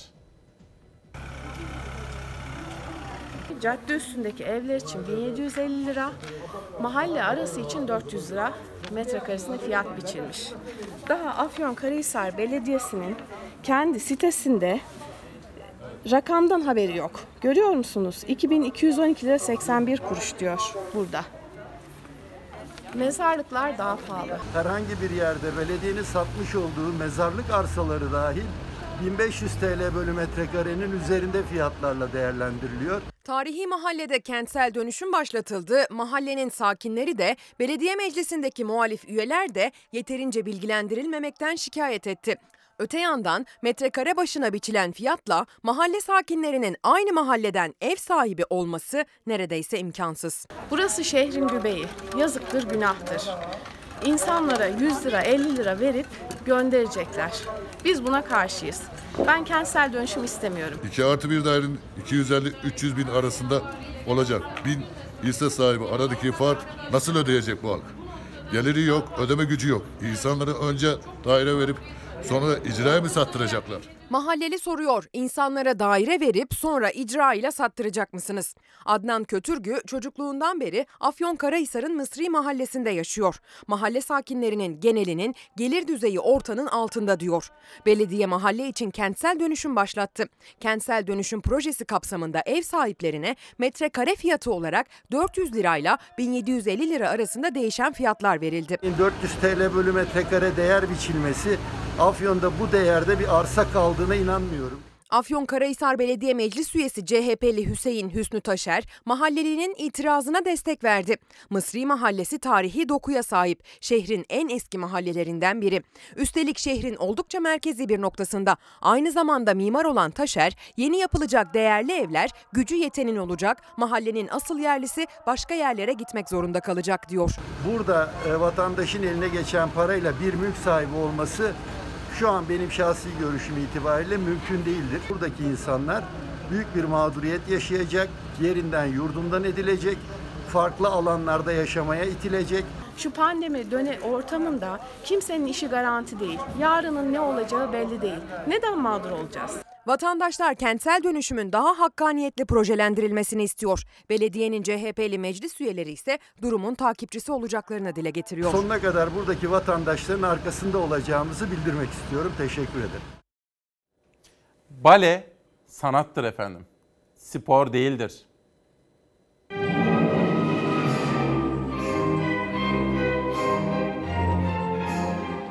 Devletin sanat kurumları icra ettikleri sanat alanıyla tescillenmiş olurlar. Dolayısıyla bale sanatı, sanat mıdır, spor mudur tartışması kanunla da önlenmiştir. Türkiye Dans Sporları Federasyonu'nun bale antrenörlüğü programı açacağı iddiası bale spor mu sanat mı tartışmalarını beraberinde getirdi. Bir yanda Kültür ve Turizm Bakanlığı, bir yanda Gençlik ve Spor Bakanlığı. Balede yetki karışıklığı kafaları karıştırdı. Devlet Opera ve Balesi Kültür ve Turizm Bakanlığı'nın bünyesinde faaliyetlerine devam ediyor. Ancak Gençlik ve Spor Bakanlığı tarafından çıkarılan bir kanunla balenin yetki alanı bugün kafaları karıştırdı. Türkiye Dans Sporları Federasyonu'nun bale antrenörlüğü adı altında bir program hazırladığına dair iddialar bale spor değil sanattır kampanyasını başlattı. Devlet tiyatroları, opera ve balesi çalışanları ve Yardımlaşma Vakfı Başkanı Mehmet Yılmaz, sportif danslar başlığı altına balenin nasıl alındığını anlattı. 2007 yılında Gençlik ve Spor Bakanlığı'nın çıkardığı bir kanun ve onun ilgili maddesi ve ilgili bendinde Latin danslarının da içinde bulunduğu sportif danslar diye bir başlık açılmış. Ve burada salsa, cha-cha, tango gibi danslardan bahsediliyor ve araya da modern dans ve bale sıkıştırılmış. Yılmaz, balenin 11 yıllık temel eğitimine dikkat çekti. Baleye spor deme imkanımız yok dedi. Bale 11 yıllık temel eğitim alındıktan sonra özel tekniklerle eğitilerek, özel eğitimler verilerek 11 yıllık eğitimden sonra sahneye çıkabilmeyi gerektirir. Ve sahneye çıktıklarında ise bale sanatı arkasında deha bir müzik barındırır, deha edebiyat barındırır. Plastik sanatların tamamının katkısını alır ve bilimin katkısını alır ve bütün bu bileşenlerden ortaya görkemli bir bale eseri çıkar. Ve buna spor deme imkanımız hiç yoktur. Türkiye Dans Sporları Federasyonu Başkanı Tolgahan Çinkitaş tartışmalar üzerine açıklamada bulundu. Balenin bir spor olduğu konusunda ısrar etti. Yüzlerce kurs var. Bunlardan birinde bitirme belgesi verilecek olmasına itiraz ediyorlar dedi. Bale aynı zamanda bir spordur. Balenin en üst kademesi olan Devlet Opera ve Balesi bugün Kültür ve Turizm Bakanlığı'na bağlıdır. Bale kurslarımızda Milli Eğitim Bakanlığı'nın çerçevesi içerisinde yer alan çeşitli kurslar müfredatların içerisinde ki bunlar yüzlercedir. Sadece bir tanesinin ortaya koyduğu kurs bitirme belgesini alacak çalışmalardı. E dansın da kurs bitirme belgesi var. Niye dans okulları buna itiraz etmiyorlar da bale kursları itiraz ediyorlar. Türkiye Dans Federasyonu henüz altyapı çalışmalarına devam ediyoruz diyor. Mehmet Yılmaz ise balenin spor kategorisine konmasından duyduğu endişeyi bu sözlerle anlatıyor. Buna eğer spor dersek oradan okullarımızda bu işin eğitimini verebiliriz anlayışıyla bu yola gidildiği kanaatindeyiz. Bu kavramlar ve yetkiler karışıklığının düzeltilerek Sayın Bakanlığımızın bu düzenlemeyi yaparak Cumhurbaşkanımızın onayına sunmasını arz ve talep ediyoruz.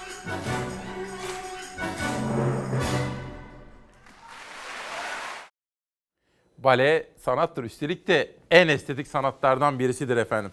Yeni çıkan kitaplara bakalım. Aysel Artık Tay imzalayarak göndermiş bana. Bu kitaplar bakın sizlerden geliyor efendim. Bize imzalı olarak geliyor. Şöyle bakın. Çok teşekkür ediyorum kendilerine. Korona günlerinde gezgin olmak. 44 gezgin yazarın ortak eseri editör Timur Özkan. İstiridye 2 Aşkı Huzur Elif Saylam'ın kitabı ve Ehli Beyt'in fedaileri Murat Aydeniz. Bugün de Orhan Veli Kanık'la kapatmak istiyorum. Yarın saat 8'den 11'e kadar İsmail Küçükkaya ile Demokrasi Meydanı'nda yine buluşacağız efendim. Acılar vardı, ağlanacak acılar. Düğünler vardı, eğlenecek. Türküler vardı, söylenecek türküler vardı.